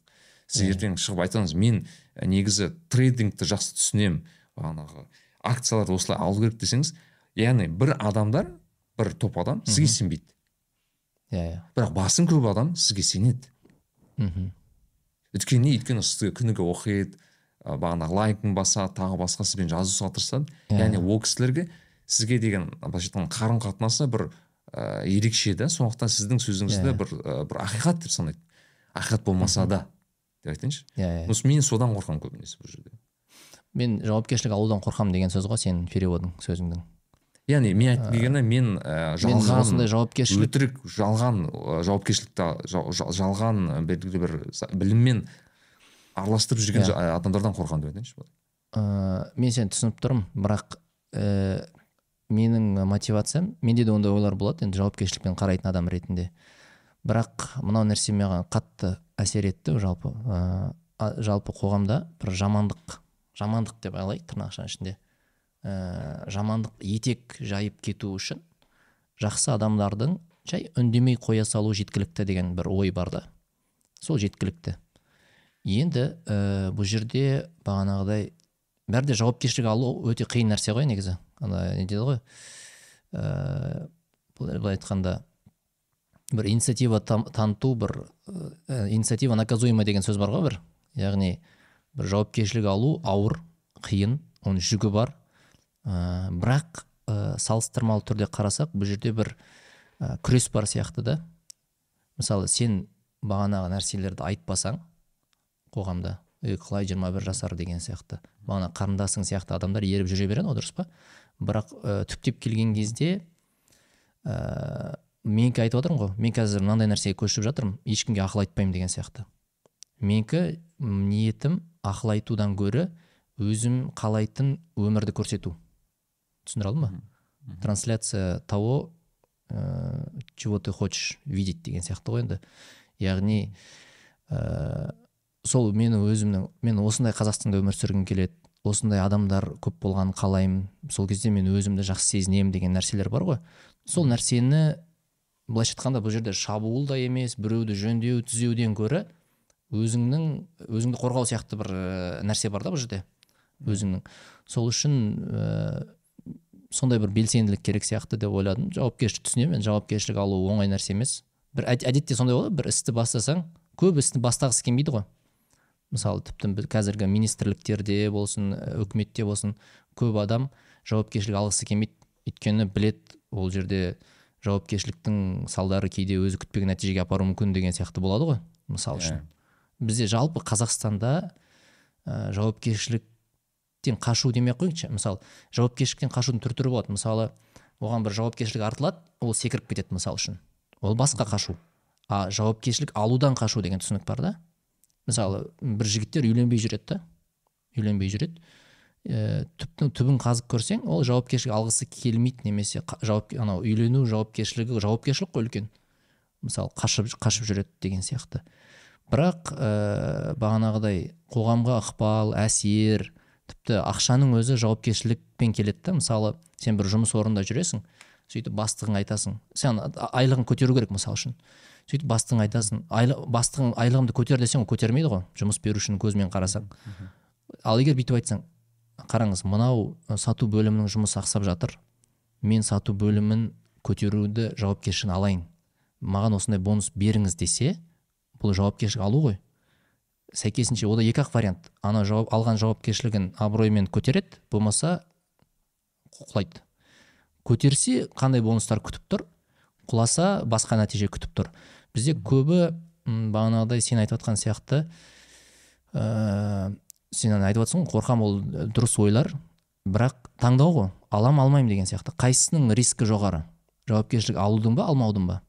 Егер сен жауапкершілік алмасаң ә, бағанағыдай мысалы бізде былтыр қаңтар оқиғасы болған кезде де ә, бәлкім бір адам енді ол енді өте комплексті мәселе оны қазып отырсаң қазір уақыт көп кетуі мүмкін бірақ айтайын дегенім мен сол қаңтар оқиғасын қателеспесем біздің бір ә, жарты жылдық жазбамыз болды ғой. Мен сол кезде айттым ә, мысалы көшеде біреу бір бізде көбінесе үндемеуден болады да проблемалар. Жалпы енді үлкен деңгейде емес қоғамды бір адамдық өзің көріп тұрған деңгейде. Мысалы біреу келеді да мусор тастай салады жерге. Сен ана жерде екі таңдау болады. Үндемей қою болмаса айту оған. Иә бізде көп проблема сол үндемей қойғаннан болады да негізі. Оны айту керек та үндеу керек та былайша сөйлеу керек. Яғни айту керек бауырым мынау болмайды тастау деген сияқты. Ол саған мүмкін боқтап жібереді сені ол оның проблемасы. Бірақ ә, бізде үндемей қалу деген нәрсенің салдарынан көп проблема болды. Біздің ә, мысалы сол үшін ә, ол бір нәрсе айтуда жауапкершілік алу ғой негізі ана жерде қазір. Сол үшін менің ойымша бізге осы оқиғалар сабақ болу керек яғни ә, үндемей қалмау керек. Ә, ал әлеуметтік желіде белсенді болу ол үндемеу емес ол кәдімгідей жар салу ғой дұрыс па? Қараңдар мен былай өмір сүргім келеді мынандай болу керек деген сияқты. Әсіресе сен өзіңнің ә, құндылықтарыңа сенімді болсаң дұрыс нәрсе айтып жүргеніңе дұрыс нәрсе істеп жүргеніңе сенімді болсаң көрсету керек. Мысалы тіпті анау кафирун сүресінде де айтады ғой. Ә, сендердің діндерің өздеріңе менің дінім өздеріңе деген сияқты. Сендер маған сенбейсіңдер мен сендерге сендердің діндеріңе сенбеймін деген кезде өте күшті бір ә, месседж жатыр ана жерде. Қандай? Яғни қара давай сенікі өзің сен үшін сенікі дұрыс мен оны қабылдаймын мойындаймын менікі мен үшін дұрыс. Ал давай енді жарысайық. Бір біріміздің қате екенімізді дәлелдеумен емес өзіміздікін ә, көрсетумен жарысайық. Бәрі де мықты сол кезде көрінеді ә, сол сияқты андай блогерлер қаптап кетті анау мынау оларға қарсы шығып м бәрі де андай бір табиғи құбылыс та ол, ол анау шығады мынау шығады. Сол жарыста ә, сен бағанағыдай көрсетуің керексің да өзіңнің позицияңды. Кім кімдікі әдемірек? Адамдар қай бәрі де адам халық біледі ғой жақсы кімге тартылу керек екенін. Сен сондай бір тартылатын тартымды ә, тұлға идеяларың болса адамдар сен сияқты болуға тырысады сенің ойларыңа тартылады деген сияқты да және сен ешкіммен күреспейсің ғой бұл жерде бір жақсысы. Сен тек бағанағыдай жақсылықта жарысу деген сияқты нәрсе ғой. Солай айтқан болар едім. Иә бұл менің бұл жердегі нем жолым бұл жерде яғни мен енді бағана әңгіменің басында айтқандай ә, інілеріме қарындастарыма әрқашан бір ақ сөз айтамын да. Біріншіден адамды бір затты оқисаң оқысаң ол адам кім екенін біл. Біріншіден зертте. Өйткені өте ж- оңай ә, не келтіремін да ә, мысал келтіремін да сен бір телефон таңдайсың деймін да. Таңдағаннан қаншама ревью оқисың қаншама бағанағы бағанағы отзывтарын оқып шығасың бағана видео обзорлар қарайсың тағы басқа зерттейсің деймін да. Иә. Телефон ол зат деймін да. Енді қарашы ол білім деймін да анау келіп жатқан білім? Сенің ойыңды өзгертеді ғой. Сен қолыңда емес ол Иә. сенің миыңда болады. Сен ол адамды қалай зерттемейсің деймін да? Енді сен сен оны солай зерттемейсің ғой деймін да. Ол ә, мендегі былай айтқандай ол мен подкаст туралы осы жиі айтамын мені айтады да кейде ә, маған жекеге жазады кейде мына кісіні шақыршы мына кісіні шақыршы мына кісіні шақыршы деген осындай запростар жиі келеді. Сол кезде мен жақсы деймін да маған қызық мен зерттеймін. И мен бір байқайтыным жіберіп жатқан адамдар иә олар мүмкін белгілі бір деңгейде өздерінің бір охваттары жоғары бағанағы ә, аудиториясы үлкен кісілер болуы мүмкін. Бірақ енді осы по факту зерттесем білім жоқ та артта артта тұрған бір ә, не жоқ ә, бір мықты айтатын бір не жоқ ә, қалай айтсам екен мысалы адам финансист дейді финансылық білім жоқ қаржылық білім жоқ шыны нағыз білім жоқ та. Немесе ә, психолог дейді бірақ пси- оқыған ешқандай бір оқу жоқ дегендей мысалы немесе м, бизнес бизнеске айтамын дейді бірақ бизнес болмаған адам дегендей осындай адамдар көп Иә, та иә, яғни иә. қағаз жүзінде бір былай былайша айтқанда басқа. И мендегі мәселе бұл бағанағы ә, айтқым келгені осындай адамдар аз емес дегенім ғой. И менің Бірақ, менің ә, менің айтайын айтқым келгені менің ол жақтағы ә, жолым осы по- подкастқа келген жалпы қонақтар иә. Ә, бэкграунд чек болған адамдар деп айтайыншы былайша айтқанда бұл жерде. М, бэкграунд чек болған зерттелген және де уже жауапкершілік деген сөзге байланысты уже менің жауапкершілігіме алынған деп айтайыншы. Иә иә ұсынуға мхм. мен солай түсінемін және мен мынау подкасттың сенің ә, үлкен бір миссиясы тағы бір көп миссияның бірі ол ә, бағанағыдай жастарда осыны жастар көреді ғой көбі бізде. Иә. ә, талғам қалыптастыру яғни. Кімді тыңдау керек ә, деген нәрсеге талғам қалыптастыру шығар деп ойлаймын да. Өйткені бағанағыдай әдетте болады ғой. Ә, адам адам да халық та ақымақ емес ақылды. Жалпы кез келген адам ақылды халық. Ол бәрі де кім мықты кімді тыңдау керек екенін өзі шешеді негізі. Біз тек ә, вариант ұсынуымыз керек та. Мысалы болады ғой сен бір жерден бір нан алып жүресің да. Сөйтіп мысалы біздің біз нан аламыз да есік ә, магазиндерден. Енді болады жақсы нан деп жеп жүрмін. Сөйтіп біздің мешіттің жанынан бір тандыр нан сататын дүмбіршек ашылды да. Сол жерден нан алып едік. Анау деген сұмдық енді мықты да дәмі. Сөйтіп бізде нанға деген бағасы да арзанырақ басқа дүкендерге қарағанда үйіміздің жанында. Сөйтіп біздің нанға деген талғамымыз қалыптасты. Енді біз тек анау нанды жегіміз келеді. Түсіндіре алдым ба?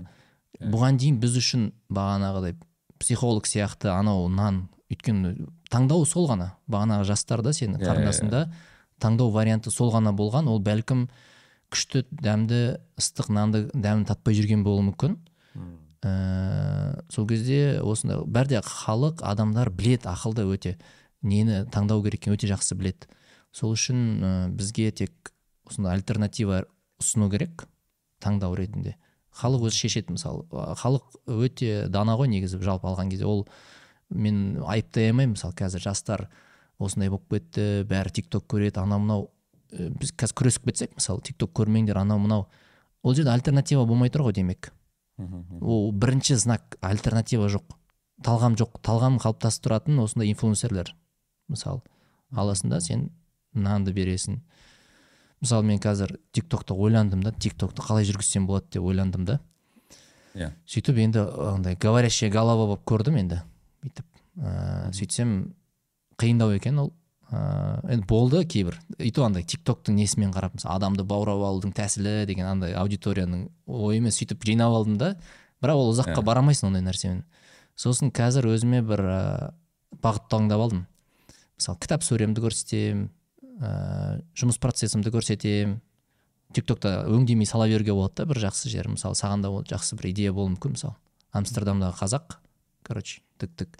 Сөйтіп ана жерде енді талғам қалыптаспаған жастар отырады ғой. он төртте он бесте бағанағыдай. Сөйтіп ана жердегі бүкіл мусордың ішінен сен бір нұр сияқты болып көрінесің да оған. Мәссаған мен де осындай болғым келеді. Мен де амстердамда еще қазақ тілінде сөйлескім келеді. Ол мүмкін ауылында ойлап жүруі мүмкін. Мен орысша сөйлесуім керек сол кезде өсемін деген сияқты бір ойын тұрады да ой. Мен орысша білмеймін сол үшін мен дамыма- дамымағанмын. Мен сол үшін европада істей алмаймын деген сияқты ойлар болады ғой. И сен ана ойды сындырып жібересің да мәссаған мынандай қазақ бар екен ғой деген сияқты ше. Мысалы сөйтіп тик токтағы белгілі бір аудиторияны бәрі еріп кетпейді бірақ белгілі бір аудиторияға сен альтернатива ұсына аласың ғой. Сосын олар ойлайды да мә мен осындай осыны іздеп жүр едім әйтпесе шаршап кеттім мен айналада че то не то адам сезеді ғой бәрі де. Кез келген адам табиғатынан бала біз ә, жалпы таза болып туылады ғой. Таза болып келеді сосын ортасы бұзып жіберуі мүмкін оны сол бала жас кезде әсіресе сол бағанағыдай жас өспірім студент 18 жаста әлі қатпаған миы бағанағыдай. Ол еліктейді дегенім сол ғой. Мына мына жағы. Сол еліктейтін кезінде біз ә, альтернативалар ұсынуымыз керек. Қара мынандай да өмір бар мысалы үшін. Сосын ә, енді кім қалайды сол тартылады жарыққа қарай ше. Мысалы мен біз болады біз ә, ә- әр қалада жүрген кезде оқырмандар клубын ашамыз да. Енді мен оқырмандарым кездесуге шақырамын ғой. Атырауда мысалы кім бар ақтауға барғанда келіңіздер мынау кафеде кездесеміз деген сияқты. Сөйтіп ана жерге бір отыз қырық адам келеді. Сөйтіп ә, танысамыз ғой енді. Сөйтсем бәрінің ә, көбінің ойы мынандай. Мәссаған мен ақтауда атырауда мысалы үшін. Осыншама кітап оқитын өзін дамытып жүрген жас бар екен білмеппін дейді қызық. Қызық. Демек бізде менде де сондай болған кезінде студент кезде де мысалы кітап оқып дамып ә, мысалы енді мен менікі кішкене не болды ғой? Біздің кезімізде мынандай болды да егер сен діндар болсаң артта қалғансың деген ой болатын бұрын. Қазір білмеймін бәлкім азайған шығар ол. Бізде сондай кез сол үшін біздің ә, дінді ұстанымымызға ата аналарымыз қарсы болатын. Яғни сен қазір бітті дінді ұстанасың бітті кетесің деп. Бір мұғалім тіпті бүйтіп айтқан мә данияр жақсы бала еді енді артқа кететін болды деп дінге келгеннен кейін деп. Сондай бір ойлап жүреді да сөйтіп менде анау былайша айтқанда енді бір жағынан анау жүректің қалауымен келдің дінге. Бір жағынан дамыған онсыз да мен бұған дейін дамып жүрген адам едім ғой триллионер едім ғой десең. Мысалы андай. Жүре сөйтіп жалғыз екенін сезінсең жаман ғой. Сөйтіп қарасаң сен сияқты діндар жастар бар екен. Дамып жүрген вау дейсің ғой енді. Күші күші к- сен өзіңнің ісіңе сенімің артады. Бір а оған дейін мен ойлап жүргенмін ғой. Мен жалғыз ғана осы алматыда бүкіл алматыны алматыны құтқару. керек. Жалғыз өзім ғана дамып жүрмін діндармын. Не болып бара жатыр заман құрып бара жатырмын сол үшін ә, егер де осындай аудитория осындай бір альтернатива ұсынсақ бағана жастар мысалы музыканы білесің ғой өзің. Ә, сен түрлі өнер не, жаңа, жаңа заманауи қазақ музыкасын зерттеп жүрсің ғой енді түрлі бағыттарды көріп жүрсің ғой бізде ойлашы егер де сол молданазардан бастап егер болмаса сол жігіттер қыздар иә ә, бізде талғам дұрыс емес болатын еді ғой жастарда. Мысалы бізде мен қазір орысша тыңдай тыңдамайды көбі. Біз кезімізде орысша орысша музыкалар ғана болатын. Мысалы ағылшынша деген сияқты қазақты мойындамау деген бір іштей болатын сезім. Қазір альтернатива пайда болды. Халық айтып отырмын ғой өте ақылды деп андай. Біледі да жақсы нәрсені ажырата алады. Альтернатива пайда болды. Болды соған қарай тартыла бастады. Сол үшін ә, бұл жерде біз айыптай алмаймыз. Мысалы халық жаман жастар бұзылып бара жатыр. Сен альтернатива жоқ просто. Альте- жақсы альтернатива жаса сен миллиондарға әсер ете аласың мысалы үшін.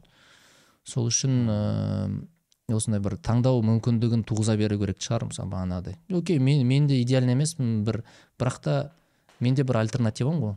Ух ты мынандай қазақтар бар екен ғой деген сияқты ойлайды да. Сенің подкастыңда да түрлі кейіпкерлер мысалы өте үлкен функ не миссия деп ойлаймын бұл. Миссия? Дәке миссия. Ә, біз ә, уже қаншасыншы рет ә, миссия туралы сөйлесіп отырмыз. Бірақ ә, әр келген сайын миссияның әртүрлі қырын көрсетеді. Сіз енді алдыңғы эпизодта ә, айтқансыз мен мынандай мынандай сөздер бар. Олар миссияға кіретін Иә. шығар деген сияқты. Енді иә. миссия не болды қазір? Өте жақсы. Иә, біз қателеспесем мен сол ізденістерім сол кезде еді ғой былтыр желтоқсан айында. Біздің подкаст жазған кезде сол ізденістерімді айтып бөліскем. Ә, бірақ одан кейін ә, мен бір ә, енді жыл басында енді бір миссия табу керек. Миссияны мен қысқасы мынандай нәрсені түсіндім да өзім үшін. Миссия деген ол бір бізде іздеп кетеді ғой мысалы. Миссиямды таба алмай жүрмін деп сөз айтады да. Негізі миссия ол табатын нәрсе емес екен. Іздейтін нәрсе емес екен. Әдетте іздеу деген ол бір бір нәрсе бар сосын сен соны іздеп жүресің мысалы үшін. Сөйтіп табасың. А миссия ол ә, мен жақсы бір анықтам миссия деген нәрсені енді зерттеп сол нәрсеге ойланып ой жүгірткеніп ә, ақылды ағаларымызды тыңдап жалпы өмірге бір басқа көзқараспен қарағаннан кейін мынандай түсіндім да миссия деген субъективті нәрсе екен. Яғни сені ал, ә- бәр, әрқайсымызды алла белгілі бір миссиямен жіберді деп ойлаймыз сенеміз ғой мысалы. Мысалы кез келген жәндікке қарасақ кез келген шөпке қарасақ бір атқаратын қызметі миссиясы бар. Араның өз миссиясы бар құмырсқаның өз миссиясы бар. Дәл сол сияқты табиғаттағы әрбір жаратылыстың миссиясы болса демек адам сияқты ұлы жаратылыстың да миссиясы болуы керек.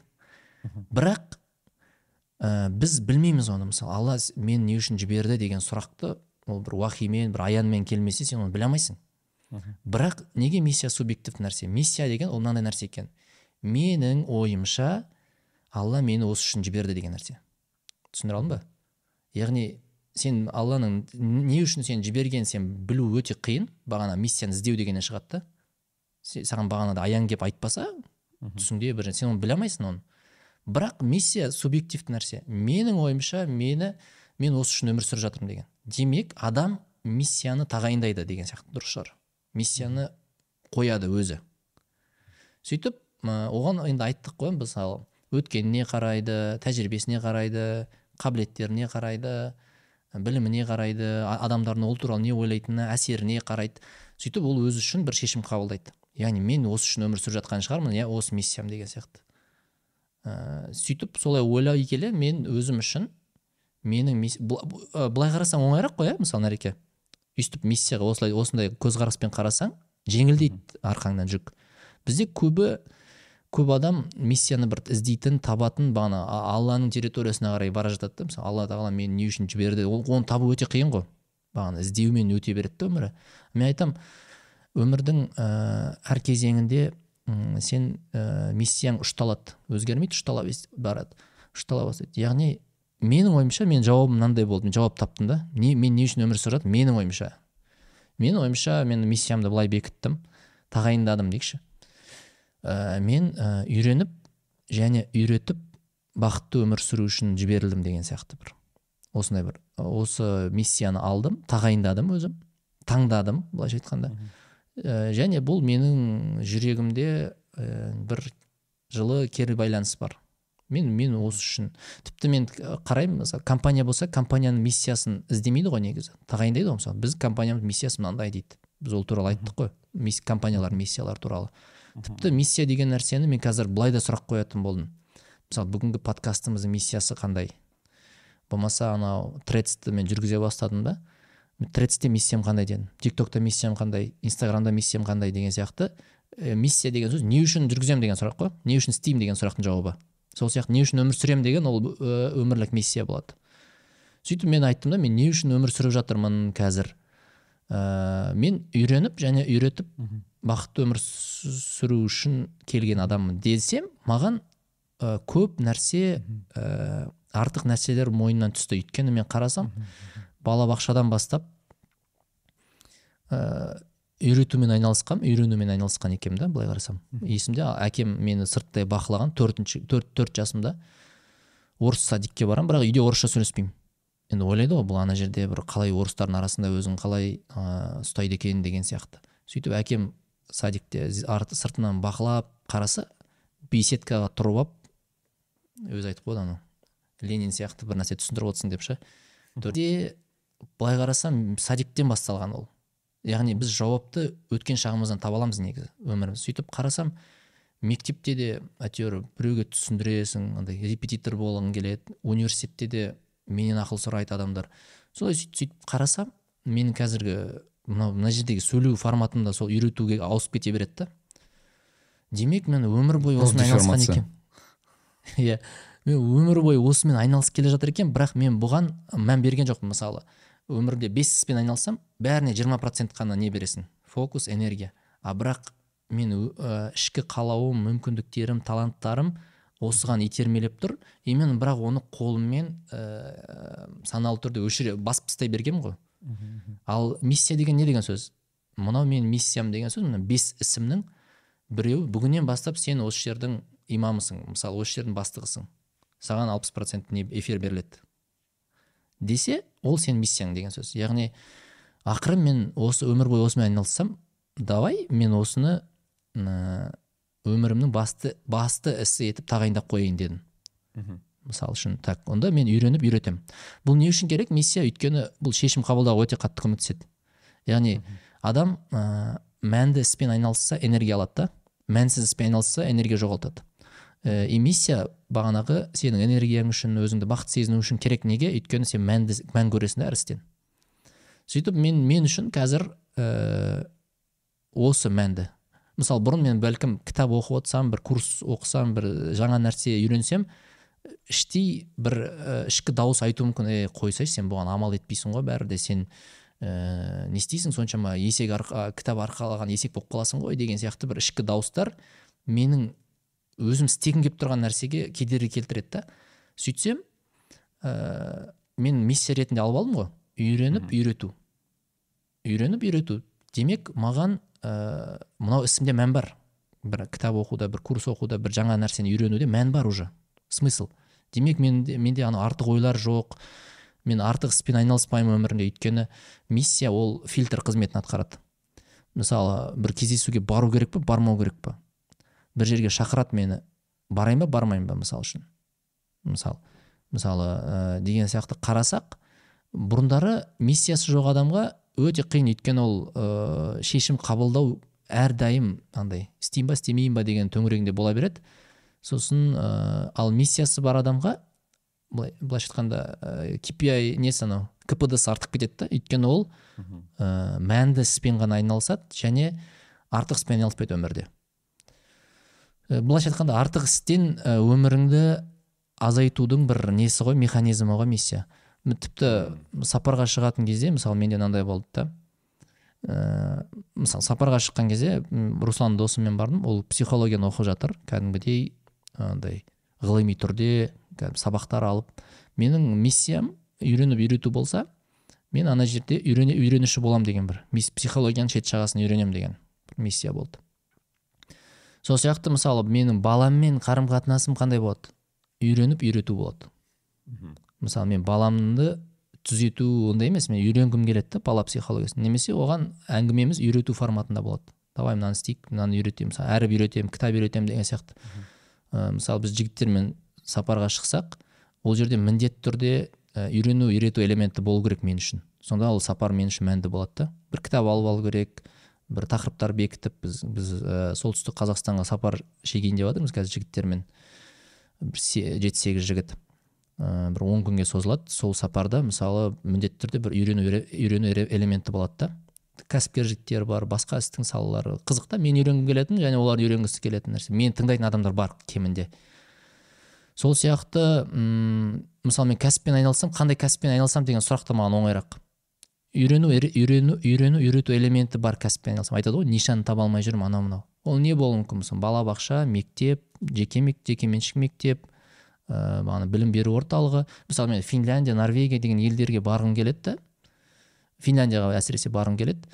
Не үшін? Өйткені ол жерде маған оның жекеменшік мектептері бала оқу жүйесі ұнайды маған. Қызық әлемге үлгі. Ә, демек менің ол жаққа сапарым мәнді болады. Көрдің ба? Миссия деген қалай сол сияқты әркім өзінің өткеніне қазіргі қабілеттеріне қарап ә, өзіне миссия табу демей ақ қояйыншы миссия тағайындайды. Менің ойымша Окей. алла мені осы үшін жіберді деген сияқты. Менде мынандай сұрақ пайда болды қазір мысалы мен ешқандай миссия тағайындамадым мысалы. Менің тағайындап берейін ба десең? Жоқ мысалы ол адам бірінші мынау былай бастайыншы әр адам өз миссиясын тағайындау қажет пе деген сұрақ біріншіден әр адам жасау қажет пе? Жоқ ол таңдау ғой мен қажет қажет деген былай қараймын. Ол сенің таңдауың мысалы. Тіпті жетістікке жету де сенің таңдауың ғой өйткені. Жетістікке айт оны алдыңғы жоқ ол түсінікті ол бірақ бірақ бірақ Иә. мә- мәселе анда ғой мысалы бір адам бар оның ыыы айтып отырсыз миссиясы бар бана бір адам миссиясы жоқ тағы басқа.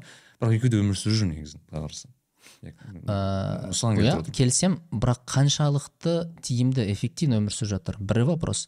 Қаншалықты ә, бәрі де түптеп келген кезде мен ә, осы миссия тақырыбын зерттеп жүрген кезде мынандай нәрсені байқадым. Мынау отыз бен қырық жастың арасында былай табысты жігіттермен араластым да сөйлесіп көрсем. Ақша тапқан бүкіл жағдайды жасаған. Бірақ түбі адам осы сұраққа келіп тіреледі қанша жерден қашса да мен не үшін өмір сүріп жатырмын? деген. Не үшін ақша тауып жатырмын? деген сұраққа келіп тіреледі да.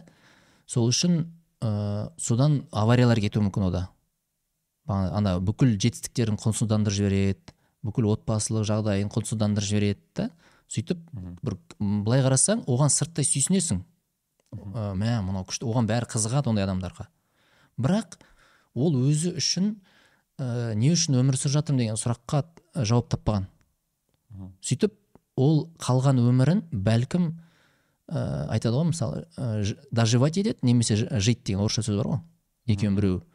Ол ойлашы қандай ішкі күйзеліс өзін жоғалтып алу деген өте андай сен газбен келе жатасың да мысалы қатты басып келе жатасың да бір уақытта ә, тоқтайсың да сосын ары қарай не үшін газ басу керек мен қайданмын өзі деген бір сұрақтар пайда болады ғой. Саған бұған дейін газбен ә, газға басу ұнаған машинамен.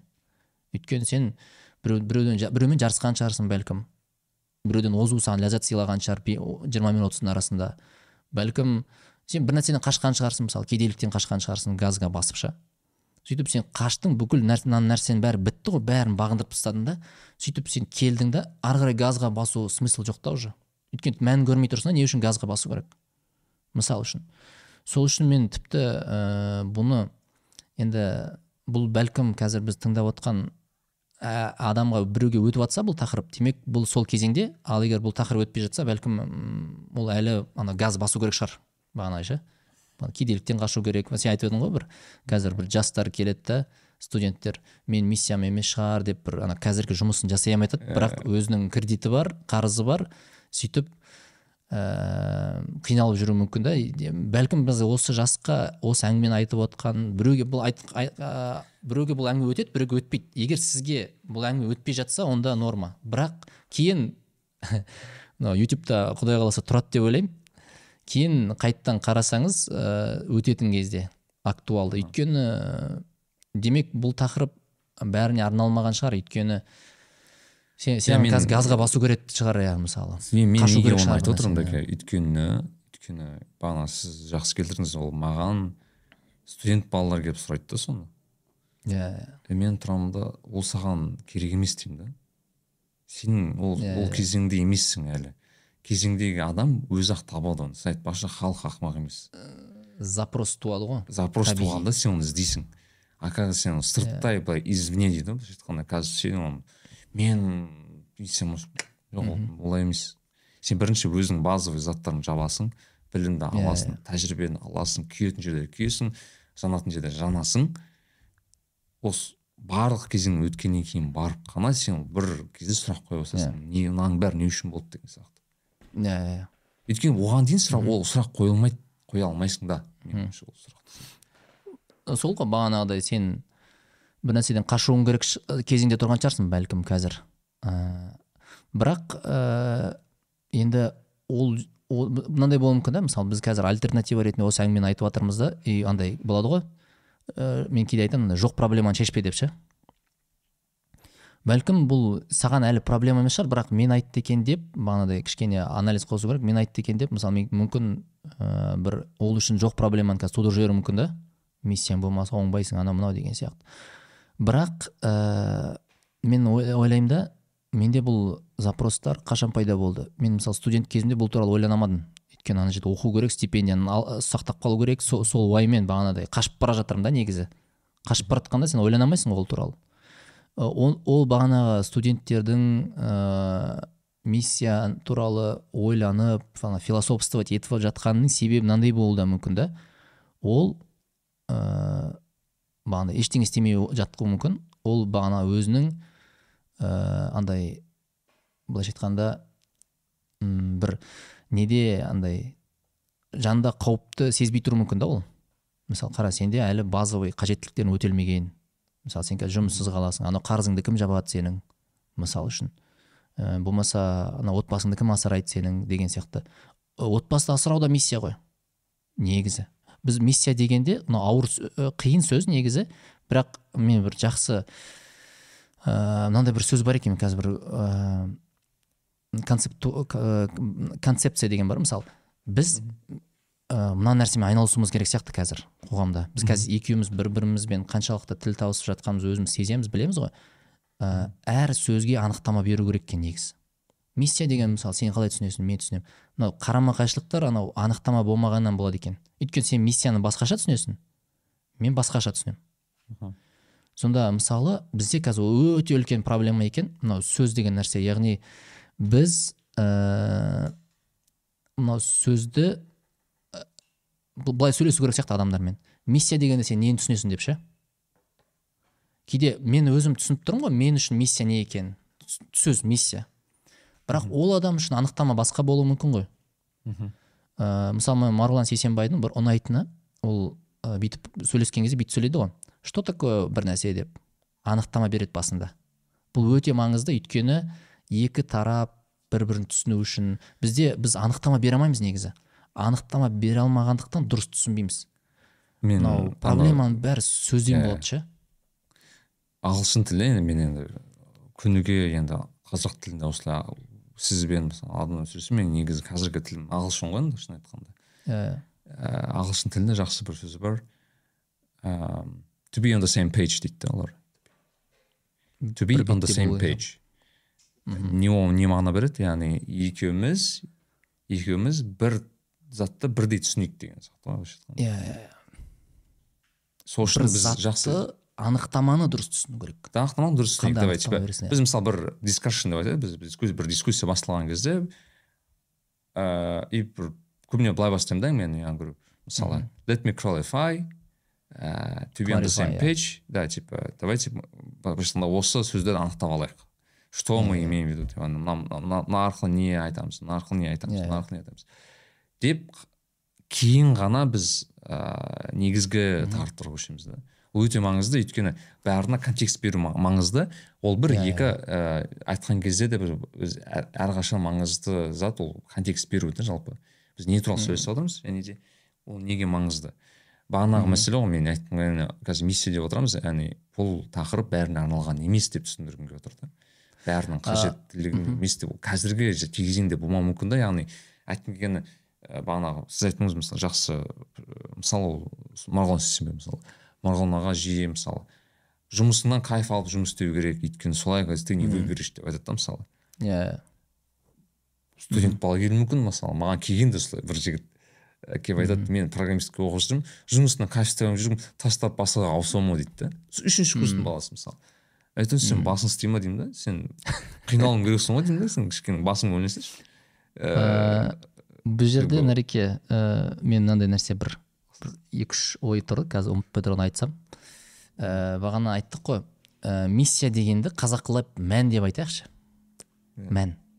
Ол ә, егер сен ә, миссия іздеу деген кезеңге келсең ол кішкене бір ә, ә, сен яғни бір бұған дейінгі запростарың жаптың енді жаңа кезеңде бір мән табуың керек дегенді білдіреді да өміріңде. Бағана студенттің ол негізі ұмытпау керек.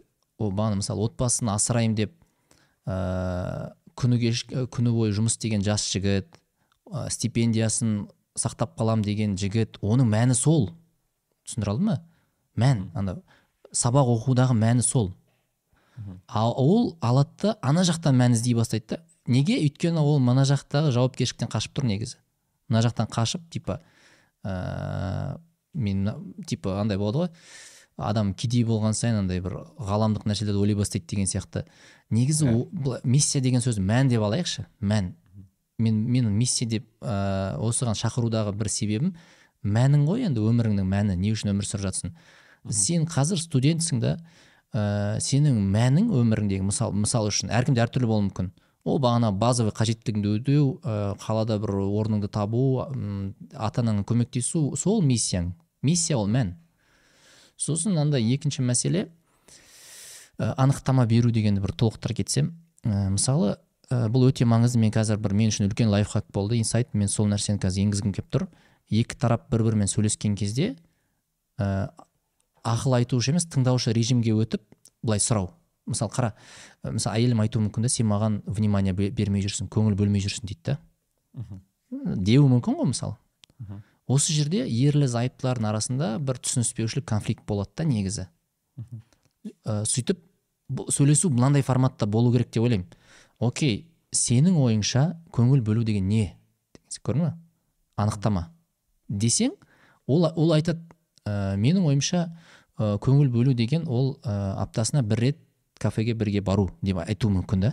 Бірақ сен бүйтіп ойлап жүргенсің ғой күніге таңертең смс жазасың күніге жазасың мысалы.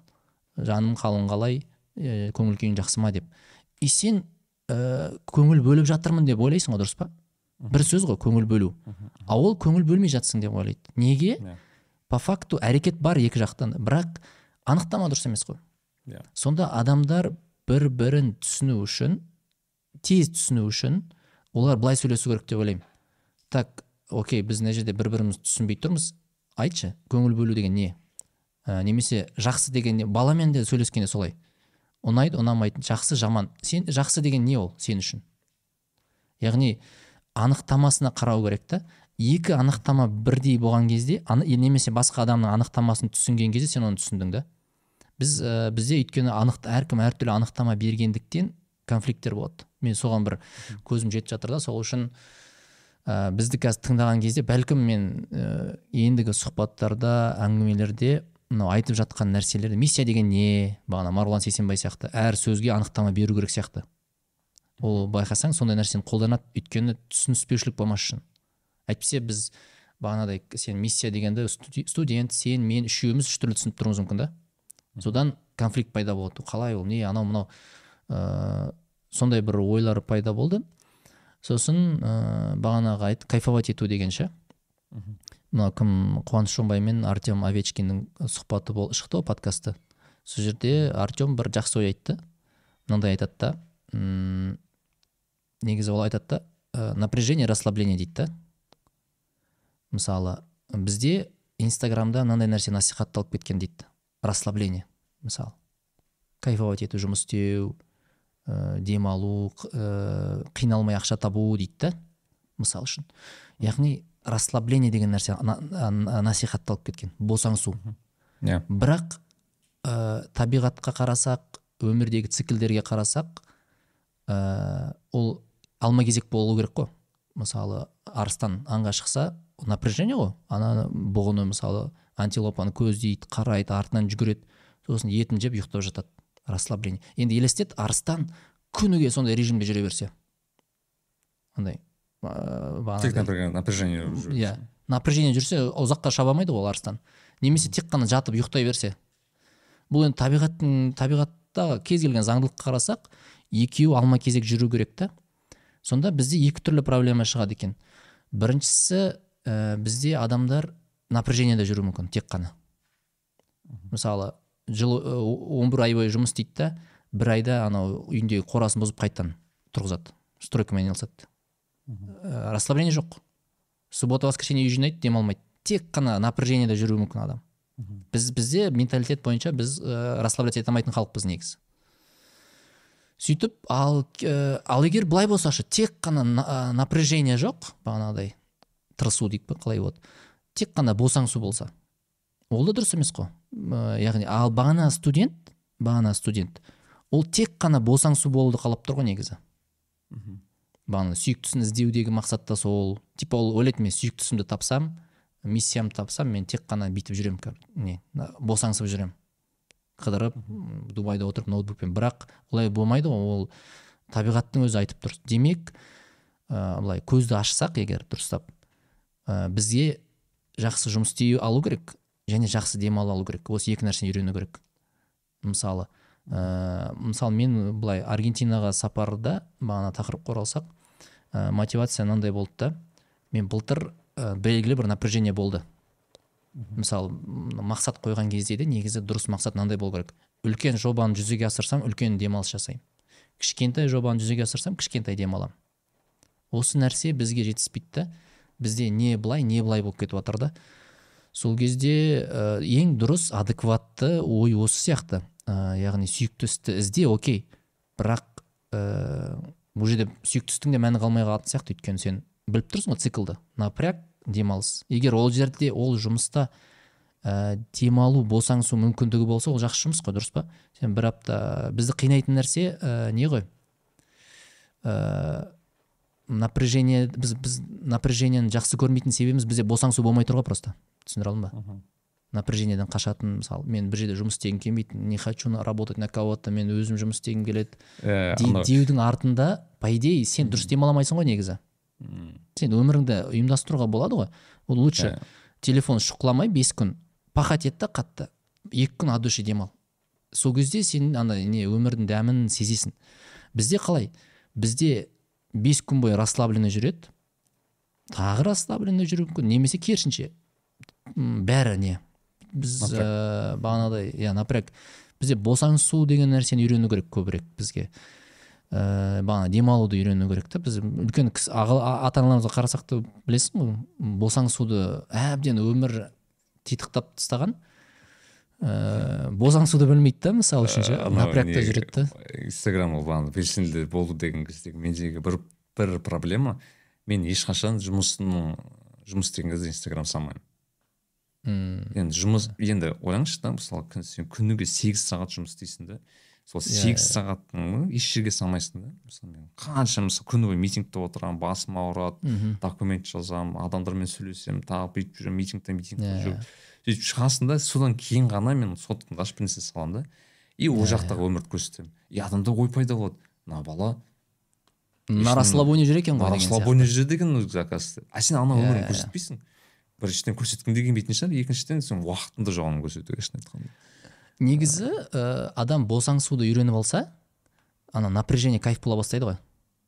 Өйткені сен білесің да мен қазір мынаны бітіремін бір аптада и екі күн күшті демаламын деген сияқты бар ғой. Сен сонда жұмысты да жақсы істейсің жақсы да демаласың. А бізде ойда мынандай жатуы мүмкін да ә, мә мынадан кейін мынау напряг напряг напряг напряг сосын мына жұмысын дұрыс істемейсің.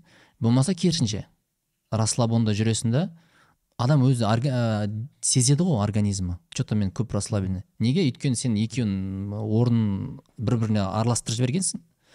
Сол кезде мынау мақсат қою деген иә. тақырып ә, мақсат қоюда мен айтамын да бір біз ә, бір неде ә, жақсы бір курс бизнес курстарда жақсы үйретеді артефакт дейді да.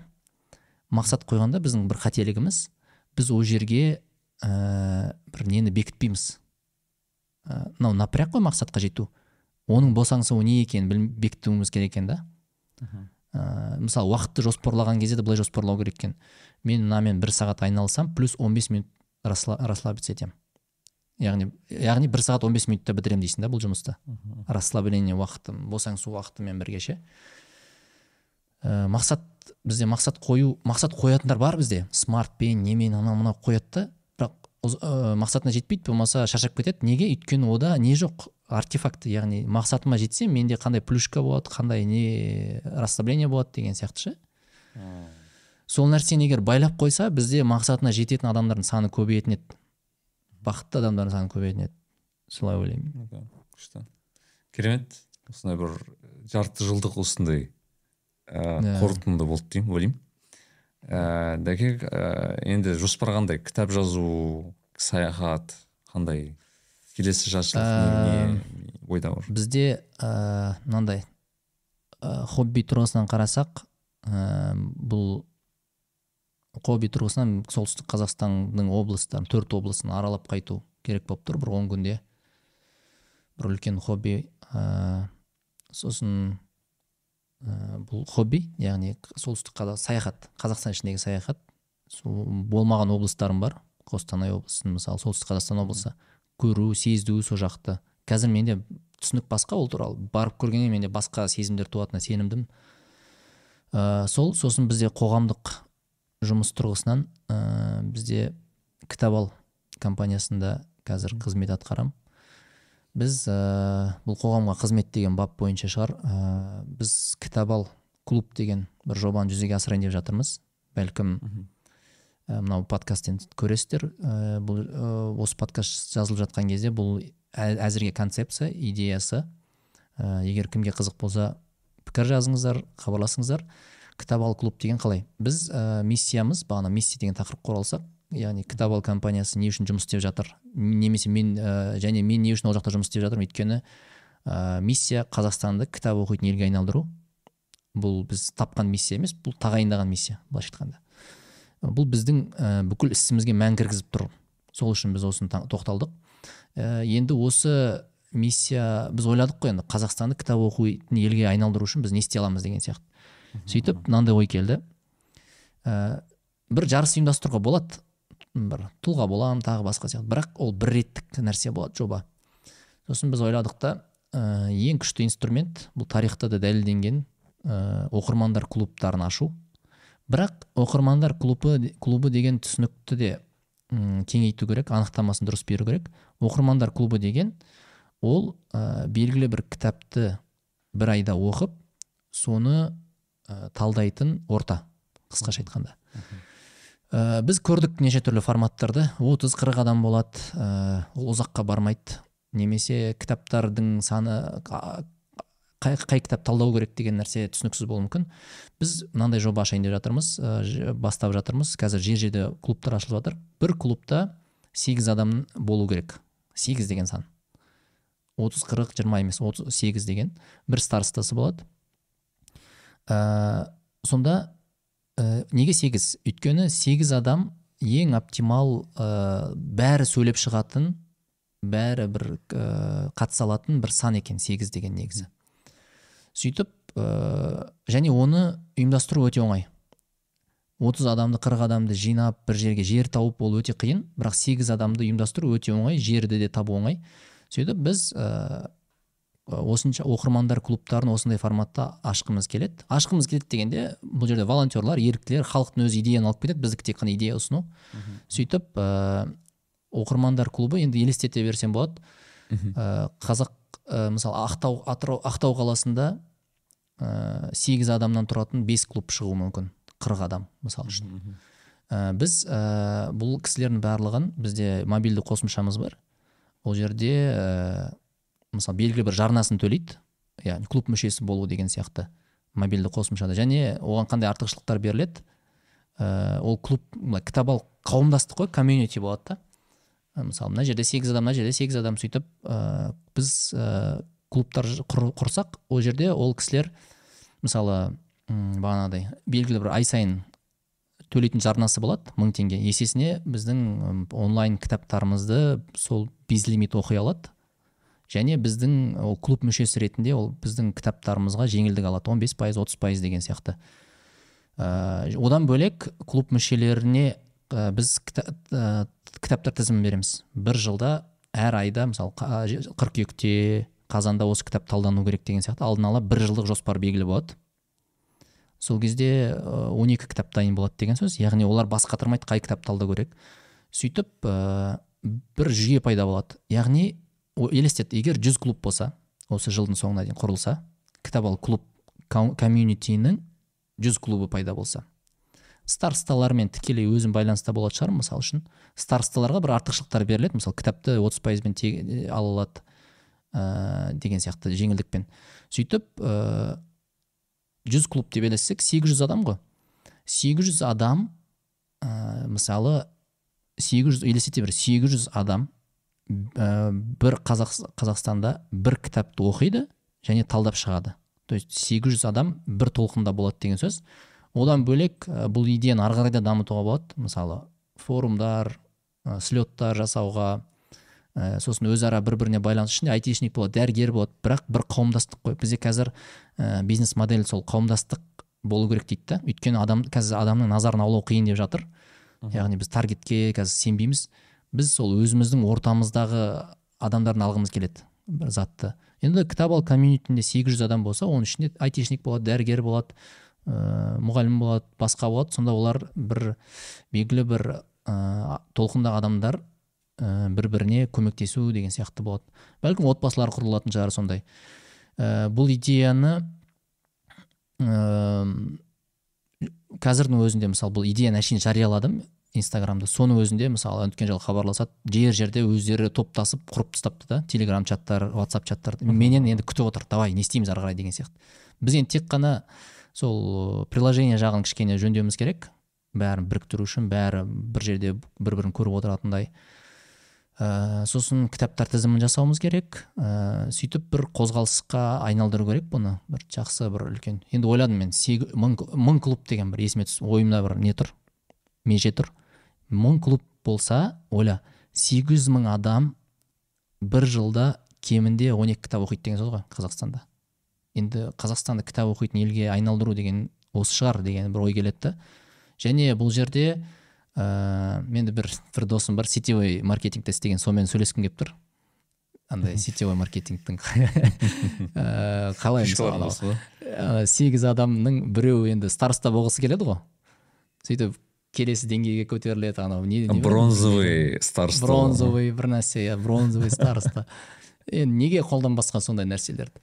Сөйтіп слет машине ойнатып соңында машине саяхаттар жасауға болатында қауымда андай бір сезім болу керек та. Мен осы кітап ал клабтың ә, несімін мүшесімін деген мақтанышпен айта алатындай сөйтіп басқа адамдар мен де кірейінші мен де кірейінші мың ақ теңге төлейсің айына клуб мүшесі болу үшін кітап талдайсың болды.